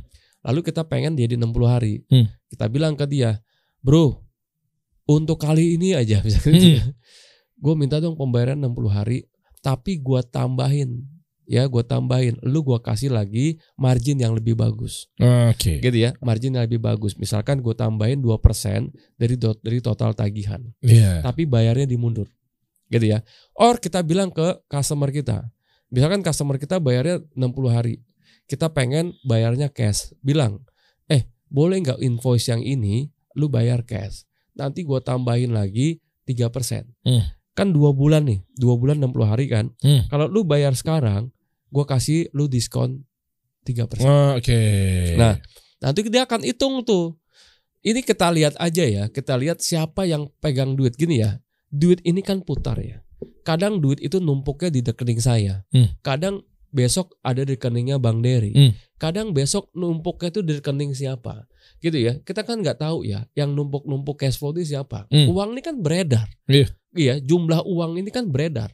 Ya, bukan bank Bank Indonesia nyetak uang terus jadi banyak, bukan. Tapi Hmm. uang ini beredar dan akan menumpuk di kantong-kantong orang kan Oh, gitu iya. ya. Nah, sekarang kita akan lihat nih. Siap misalkan kondisi cash flow kita, kantong kita lagi lagi seret nih. Mungkin kantong customer kita lagi banyak. Mungkin kantong supplier kita lagi banyak. Maka Hmm. kita minta ke mereka. Gitu ya. Misalkan customer kita lagi banyak duit nih. Bro, bayar cash dong. Gue tambahin diskon 2% atau 3%. Nah, Hmm, oke. Nanti kita akan dia akan lihat nih, oh 3% kayaknya lebih bagus dibanding cost of money. Oh. Kalau dia adu dengan cost of money, misalkan say ya, kita nggak ngomongin riba ya, Oh. tapi kita ini buat sebagai perbandingan aja. Oke. Cost of money misalkan di bank berapa sih? Kalau misalkan orang itu pinjam duit di bank satu tahun 12%, berarti satu bulan sekitar satu persen. Ini ditambahin ya 3% untuk dua bulan kan jauh lebih bagus dong dibanding Hmm. of money Oke. karena si customernya ini ngerasa punya duit dan duitnya juga nganggur gitu ya akhirnya oke deh nggak apa-apa gue ambil gue bayar cash tapi lu tambahin gue tapi jangan 3% deh gue minta 4% jadi Oh, tinggal di nego se- aja ya, ya. tinggal dinegosiasi aja Hmm. nah sehingga kita bisa dapatkan cash di depan ini akhirnya bisa menyelamatkan yang namanya eh, defisit perusahaan. Iya, betul. Nah, sama aja, sama. Itu itu saya udah sering banget ya lakukan-lakukan kayak gitu. Hmm. Jadi untuk menyelamatkan cash flow yang defisit, jangan langsung melulu ke bank. Hmm. Jangan juga ujuk-ujuk langsung ke investor dan segala macam. Eh, apalagi investor. Kalau perusahaan Anda lagi megap-megap, investor biasanya malah menghindar nih. Kecuali investor yang model-modelnya adalah ah ini lagi BU nih, gue beli dulu dah kan gitu ya. Nah, tapi katakan lihat, oh nih kondisi perusahaannya nggak bagus nih, misalkan, oh ngeri-ngeri juga gue invest ke situ. Apalagi ke bank, gitu ya. Apalagi ke bank, kenapa? Dengan minjam duit ke bank, ada bunga kan. Nah, Hmm. bunga itu kan fixed cost. Kita mesti lihat lagi nanti kondisi perusahaan seperti apa. Karena Oke. fixed cost akan kembali lagi ke resiko. Hmm. Kalau perusahaan itu ternyata masih belum belum saatnya gitu ya Hmm. untuk melakukan itu.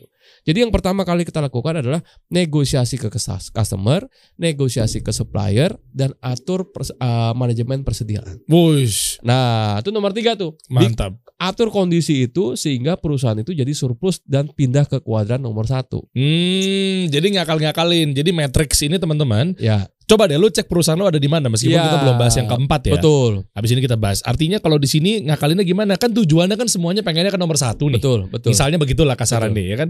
Eh, kebanyakannya begitu orang-orang. Nah artinya dari tiga tadi dengan segala macam upaya, nah tujuannya agar lu pindah ke perusahaan nomor satu. Ya, lu bisa gaining market, Betul. lebih sehat Betul. nantinya apa segala macam. Nah kalau udah nomor empat sih udah udah kayaknya main cepet-cepet aja tuh coach. Iya kan Ya, perusahaan itu short term, ya, iya, quick, quick ya, quick, quick. lagi rugi-ruginya, Lah, Uangnya nggak ada, uangnya iya. nggak ada lagi. rugi lagi. Aduh, Udah, short gimana term nih? aja udah. Ya misalnya lu buka kalau gue mungkin versinya ya Hmm. ya buka lo jual misalnya lu perusahaannya apa coffee shop lo jual resep kayak misalnya Ya. Ya, lu bikin workshop kayak Yes. misalnya ya Yes. gitu-gitu kan Yes, Ya, bikin pelatihan inilah Ya. misalnya misalnya Ya. lu punya coffee shop tapi wah enggak deh kayaknya gue harus bikin pelatihan aja deh betul. langsung aja nih yuk buruan nih ada yang mau tahu nggak resep Ya, kopi gue Ya, ya, ya, yang cepet-cepet. main cepet-cepet aja deh ngamanin biasanya dari empat tuh pindah ke mana tuh Nah, jadi empat ini garis besarnya adalah short term. Ya. Hmm. Kalau Anda kondisinya di nomor 4, Anda jalanin strategi long term babak belur. Karena nomor 4 ini kan napasnya udah Senin Kemis ya. Kali kalau disuruh lari maraton ya dia babak belur gitu-gitu ya. mukanya biru tuh Iya, pokoknya biru tuh bahaya gitu. Jadi sebaiknya saran saya dari empat ini jalankan cari strategi-strategi jangka pendek. Namanya krisis ya. Orang Eh. krisis kan pasti eh, jangka pendek ya. iya Waktu pandemi kemarin kan banyak tuh negara aja jangka pendek mulu gitu iya, kan. iya, iya. Kebijakan berubah-berubah. Nah, jadi short term programnya apa? Oke. Yang cepet-cepet, yang quick win quick win lah kayak gitu ya. oke Nah, cari. Setelah itu arahnya ke mana? Ke nomor dua dulu. Hmm. Jadi ke kanan, jangan ke atas. Kenapa? Kalau di nomor 4 Anda cari profit ya dan profitnya itu harus di eh, apa menggunakan modal kerja yang besar, apalagi customernya bayar yang lama, Anda malah makan babak belur. Hmm. Jadi carilah ke kanan dulu. Jadi selamatkan dulu cash flow-nya Hmm, oke ya, selamatkan cash flow-nya. Kenapa? Jadi gini deh, orang kalau megap-megap itu yang dicari itu apa sih udara kan, oksigen kan. Hmm. Nah, ambil dulu oksigen biar kita napasnya bisa lega dulu. Oke. Nah, oksigen itu kan kalau di keuangan tuh di cash flow-nya kan, darahnya Hmm. yang mengalirkan oksigen itu. Jadi ketika napas kita udah mulai bagus, baru kita punya pandangan yang lebih jernih untuk bisa mencapai profitability. Oh, oke. Gitu. Ya, Jadi ya. bertahap. Sip, pelan-pelan teman-teman. Ya udah, kalau memang lu pengen lebih detail lagi, pengen tahu. Ya. Pengalaman-pengalaman gue ini ternyata alhamdulillah gue udah makin melek gitu ya teman-teman ya. Jujur banyak hal-hal yang gue jadi nambah wawasan ketika gue join di Ya. SFM-nya Coach Yusak gitu ya. Ya. Eh, Smart Financial Map di batch 17 Ya. dan ini baru sekian persen doang dari total semuanya Betul. teman-teman. Dan banyak strategi-strategi UKM yang memang lo harus eh, tahu yang mungkin sekarang masih buntu nih ke mana arahnya nih ya. Ya. Banyak loh ya alumni-alumni udah sekitar berapa berarti? Alhamdulillah udah hampir seribuan ya Tuh. eh, pengusaha yang ikut program ini ya. Heeh. Nah, jadi Dan menariknya teman-teman, hmm? lebih dari 50% backgroundnya bukan keuangan. Boh. Dan ada yang bilang juga katanya SFM ini Smart Financial Map workshopnya ini ternyata cara instan dua hari menjadi gelar Belajar MBA MBA Finance. itu banyak yang bilang ya, itu bukan dari saya, itu testimoni aja teman-teman. dua hari Peserta. jadi S2 MBA bro. Iya, MBA MBA, Finance. Finance ya. Gokil. Ya, gue juga merasakan ya. Jadi buat teman-teman, tapi gini coach, buat audiensnya kasih solusi, Hmm. lo kasih dong privilege Ya kan misalnya begitu ikutan bonus sekian khusus untuk teman-teman yang klik link di bawah nih di deskripsi nih. Ya. Atau mungkin lo cek aja di bio-nya akun kasih solusi atau Ya. lu ketemu mungkin di mana pun mau di Ya. websitenya SFM, mau Ya. di postingannya Coach Yusak, Ya. lu cek yang ada slash kasih solusi di ujung, Ya. artinya lo dapet dong sesuatu misalnya potongan harga kayak khusus buat kasih solusi ya. Khusus ya. Heeh. Khusus buat teman-teman yang yang daftarnya menggunakan link slash kasih solusi Mm-mm. smartfinancialmap.com slash kasih solusi Mm-mm. gitu ya. Mm-mm. Itu gue tambahin deh. Tapi khusus di sini ya. Ya. Ah. Kayak Khusus teman-teman ya. Iya. Gue tambahin 500 ribu. Wih, Ah, mantap. itu dahsyat itu, dahsyat itu. Gede loh. Dan sekarang kalau nggak salah yang daftarnya itu udah lebih dari setengahnya. Jadi silakan aja sih. Loh, seatnya berapa? Seatnya itu kurang lebih ada 80 Heeh. ya. Sekarang ini udah 45. Ya. 45 sampai 50 persen. Iya, udah lebih dari 50 persen. Oh. Iya, jadi buru-buruan aja. Cepet-cepetan nih Iya. guys. Dan Iya. ini ini khusus buat teman-teman audiensnya kasih solusi. Tuh, jadi Silakan lo, aja. lo mau lihat ketemu di website slash kasih solusi smartfinancialmap.com slash kasih solusi Iya. atau cara mudahnya kita munculin aja landing page atau websitenya Ya. eh, SFM di deskripsi di bawah nih teman-teman. ya lo klik betul. aja di situ. Kenapa lu nggak perlu ngomong-ngomong kali ya? Mau Betul. ngomong boleh sama adminnya. Eh, gue rekomendasi dari kasih solusi nih. Ya, ngomong gitu. Boleh gitu Boleh. kan. Yang penting insya Allah secara sistem juga kita tahu lah kita data Ya. bahwa lu ternyata masuknya dari kasih, Kasih solusi. solusi. Betul. Mantap. Mantap. Ya, ya, ya. Oke, bocoran-bocorannya lu bisa bocorin lagi coach. Sekaligus mungkin gimana caranya bikin plan untuk 2023. Nah, ini juga menarik ya, teman-teman ya. Jadi nanti saya akan sharing khusus di batch 18 nanti ya, SFM ya. Bagaimana sih men-set up target, Ah, budgeting gitu ya. Karena kebanyakan dari kita ini kalau setting target itu adalah target yang nggak achievable. hmm. yang nggak bisa dicapai gitu ya. Kenapa? Karena metode untuk mencap membuat cap targetnya itu lebih banyak menggunakan top down. Hmm. Top down tuh begini ya. Dia kita melihat yang namanya universe. Misalkan kayak gini. Berapa target sales kita tahun 2023? Eh sebentar. Gue mau hitung dulu ya sensus data penduduk. Hmm. Penduduk Indonesia ada 270 juta. Target saya adalah satu eh, 10% dari jumlah penduduk. Kan ini ini ke top down namanya kan gitu ya. ya atau ada ada pengusaha Oke. pakaian muslim Eh. ya eh, populasi muslim di Indonesia ada sekian ratus juta orang Ya, ya, target ya. saya adalah 5% dari total populasi itu Oke. namanya top down Oke. ya atau apalagi target saya adalah wanita remaja umur tuh tuh eh, 18 sampai dengan 40 tahun kalau melihat dari sisi demografinya jumlah tersebut ada sekitar 50 juta orang Uh. maka target saya adalah 10% dari 57 dari 50 juta. Nah, ini serat ini namanya top down. Eh. Dia ngelihat angka universe-nya dulu, big picture-nya dulu, Mm-mm. baru dia turunkan ke target. Langsung market share. Nah, langsung dia pengen dapetin market share-nya. Hmm. Dari market market size dia ambil pengen target market share. Nah, ini nggak salah, tapi nggak achievable. Hmm. Gitu ya. Buat apa bikin target yang nggak achievable? Hmm. Logikanya masuk sih, dia ngambil sekian persen dari total kue yang akan yang akan diperebutkan kan Hmm. gitu ya. Hmm. Tapi dari mana datangnya angka itu? Misalkan gini, ya dia pengen mengambil target market dari target market yang 50 juta orang di Indonesia, dia ambil 10% ya, berarti kan 5 juta. Hmm. Nah, 5 juta ini nge-grabnya gimana dalam waktu satu tahun? Wuh, susah lagi. Dia punya pengalaman apa? Iya. Activity-nya apa? Nah, jadi sebaiknya dalam setup target ya bottom up, jangan top down. Hmm. Jadi kita melihat siapa kita. Jadi gitu loh. Sekarang kita nggak bisa ya top down seperti itu akhirnya ngawang-ngawang. Hmm. Ini emang untuk dapetin 5 juta user berapa duit yang lu butuhkan? Yang lu lu, lu punya tim berapa banyak? cost per akuisisi ya. Per akuisisinya berapa? Hmm. Lu punya budget marketing berapa? Lu punya infrastruktur atau enggak? Lu udah siap atau belum bisnisnya? Angkanya sih masuk masih di masih di bawah dari market size. Tapi bagaimana lu mengeksekusinya? Hmm. Akhirnya akhir tahun boro-boro 10 persen, satu persen aja lu nggak capai kan gitu ya? Nggak capai. Iya, iya. Kenapa? Biasanya begitu tuh. Iya, nggak nggak turun dari Eh. apa? Dia nggak bisa melihat kondisi perusahaannya saat ini seperti apa. Nah, Eh. sekarang kita coba bikin yang namanya target itu lebih bottom up. Lihat historical perusahaan kita. Mm-mm. Sekarang customer kita ada berapa? Misalkan customer kita sekarang ada 1000. Hmm. Oke, kalau gitu tahun depan jadi 5 juta. Jadi jauh banget kan jaraknya dari 1000 ke 5 juta. Hmm. Dari 1000 ke 2000 oke lah, kan gitu ya. Hmm. Nah, 2000 tapi market size market size-nya ada 50 juta. Enggak enggak apa-apa. 50 juta biarin. Sekarang dari lu sekarang 1000. Lu mau berangkat ke 2000 masih oke lah naik dua kali lipat. Hmm. Tapi kalau naiknya langsung tem- tembak ke 5 juta gimana caranya kan gitu. Iya sudut pandangnya jangan lu di atas. Oh gede banget Iya, nih. diturunin Ya ke bawah. Langsung aja nih. Lumayan dapat 20 persennya nih, 10 Betul, persennya nih. betul. Ya lumayan, Eh. lumayan. Di akhirnya itu eh, target yang cuma anda buat di atas Excel aja gitu. Hmm. Kan gitu ya. Implementasinya nggak ada gitu loh, nggak Jelek bisa. banget tuh. Kalau dari bawah lu mandang ya udah naikin lagi naikin lagi 2000. sekian persen, Naikin naikin, lagi lagi, sekian persen, Oh, itu iya. bottom up.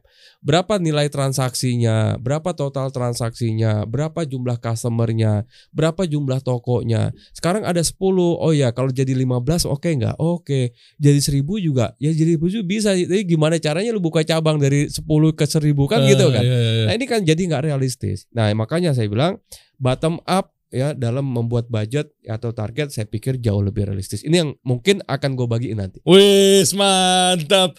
Yuk langsung yuk. Itu tanggal berapa coach? Insya Allah tanggal 14-15 Januari ya Oh. 2023 pas awal awal tahun. Masih ada Yo, waktu tuh. masih fresh untuk bikin plan. Iya Masih betul, masih awal. Jadi kan lu bisa ngebaca di 2023 pas banget nih. Ya. Lu petaannya nih belum terlambat nih. Jadi masih awal tahun banget. Betul. Jadi udah buruan akhir tahun lo pikirin untuk dana buat persiapan ke tahun 2023 Ya. plus lu sisihin tuh Ya. investasi lah pala lo biar nggak kosong-kosong ya, banget. betul. Apalagi 2023 nih challenging ya Eh, tentang bisa dibilang 2023 itu pemenangnya adalah orang-orang yang ngerti keuangan jauh lebih banyak. waduh. ya dibanding jadi 2023 nih ya itu ibaratnya gini ya gas rem gas remnya tuh harus betul-betul jalan dan Hmm. harus lebih detail Mm-mm. gitu ya saya mungkin bisa bilang gini 2023 mungkin saya masih percaya bahwa Indonesia akan tumbuh ekonominya Hmm. gitu ya tapi pemenangnya adalah yang lebih mengerti keuangan lebih detail mengerti tentang bisnisnya Betul. gitu ya lebih detail jadi dia tahu nih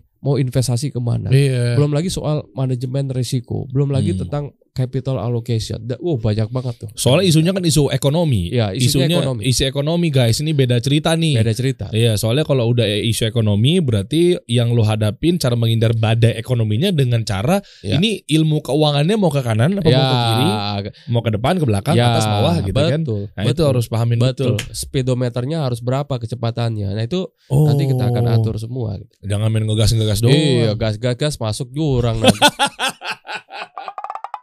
Kita kasih solusi.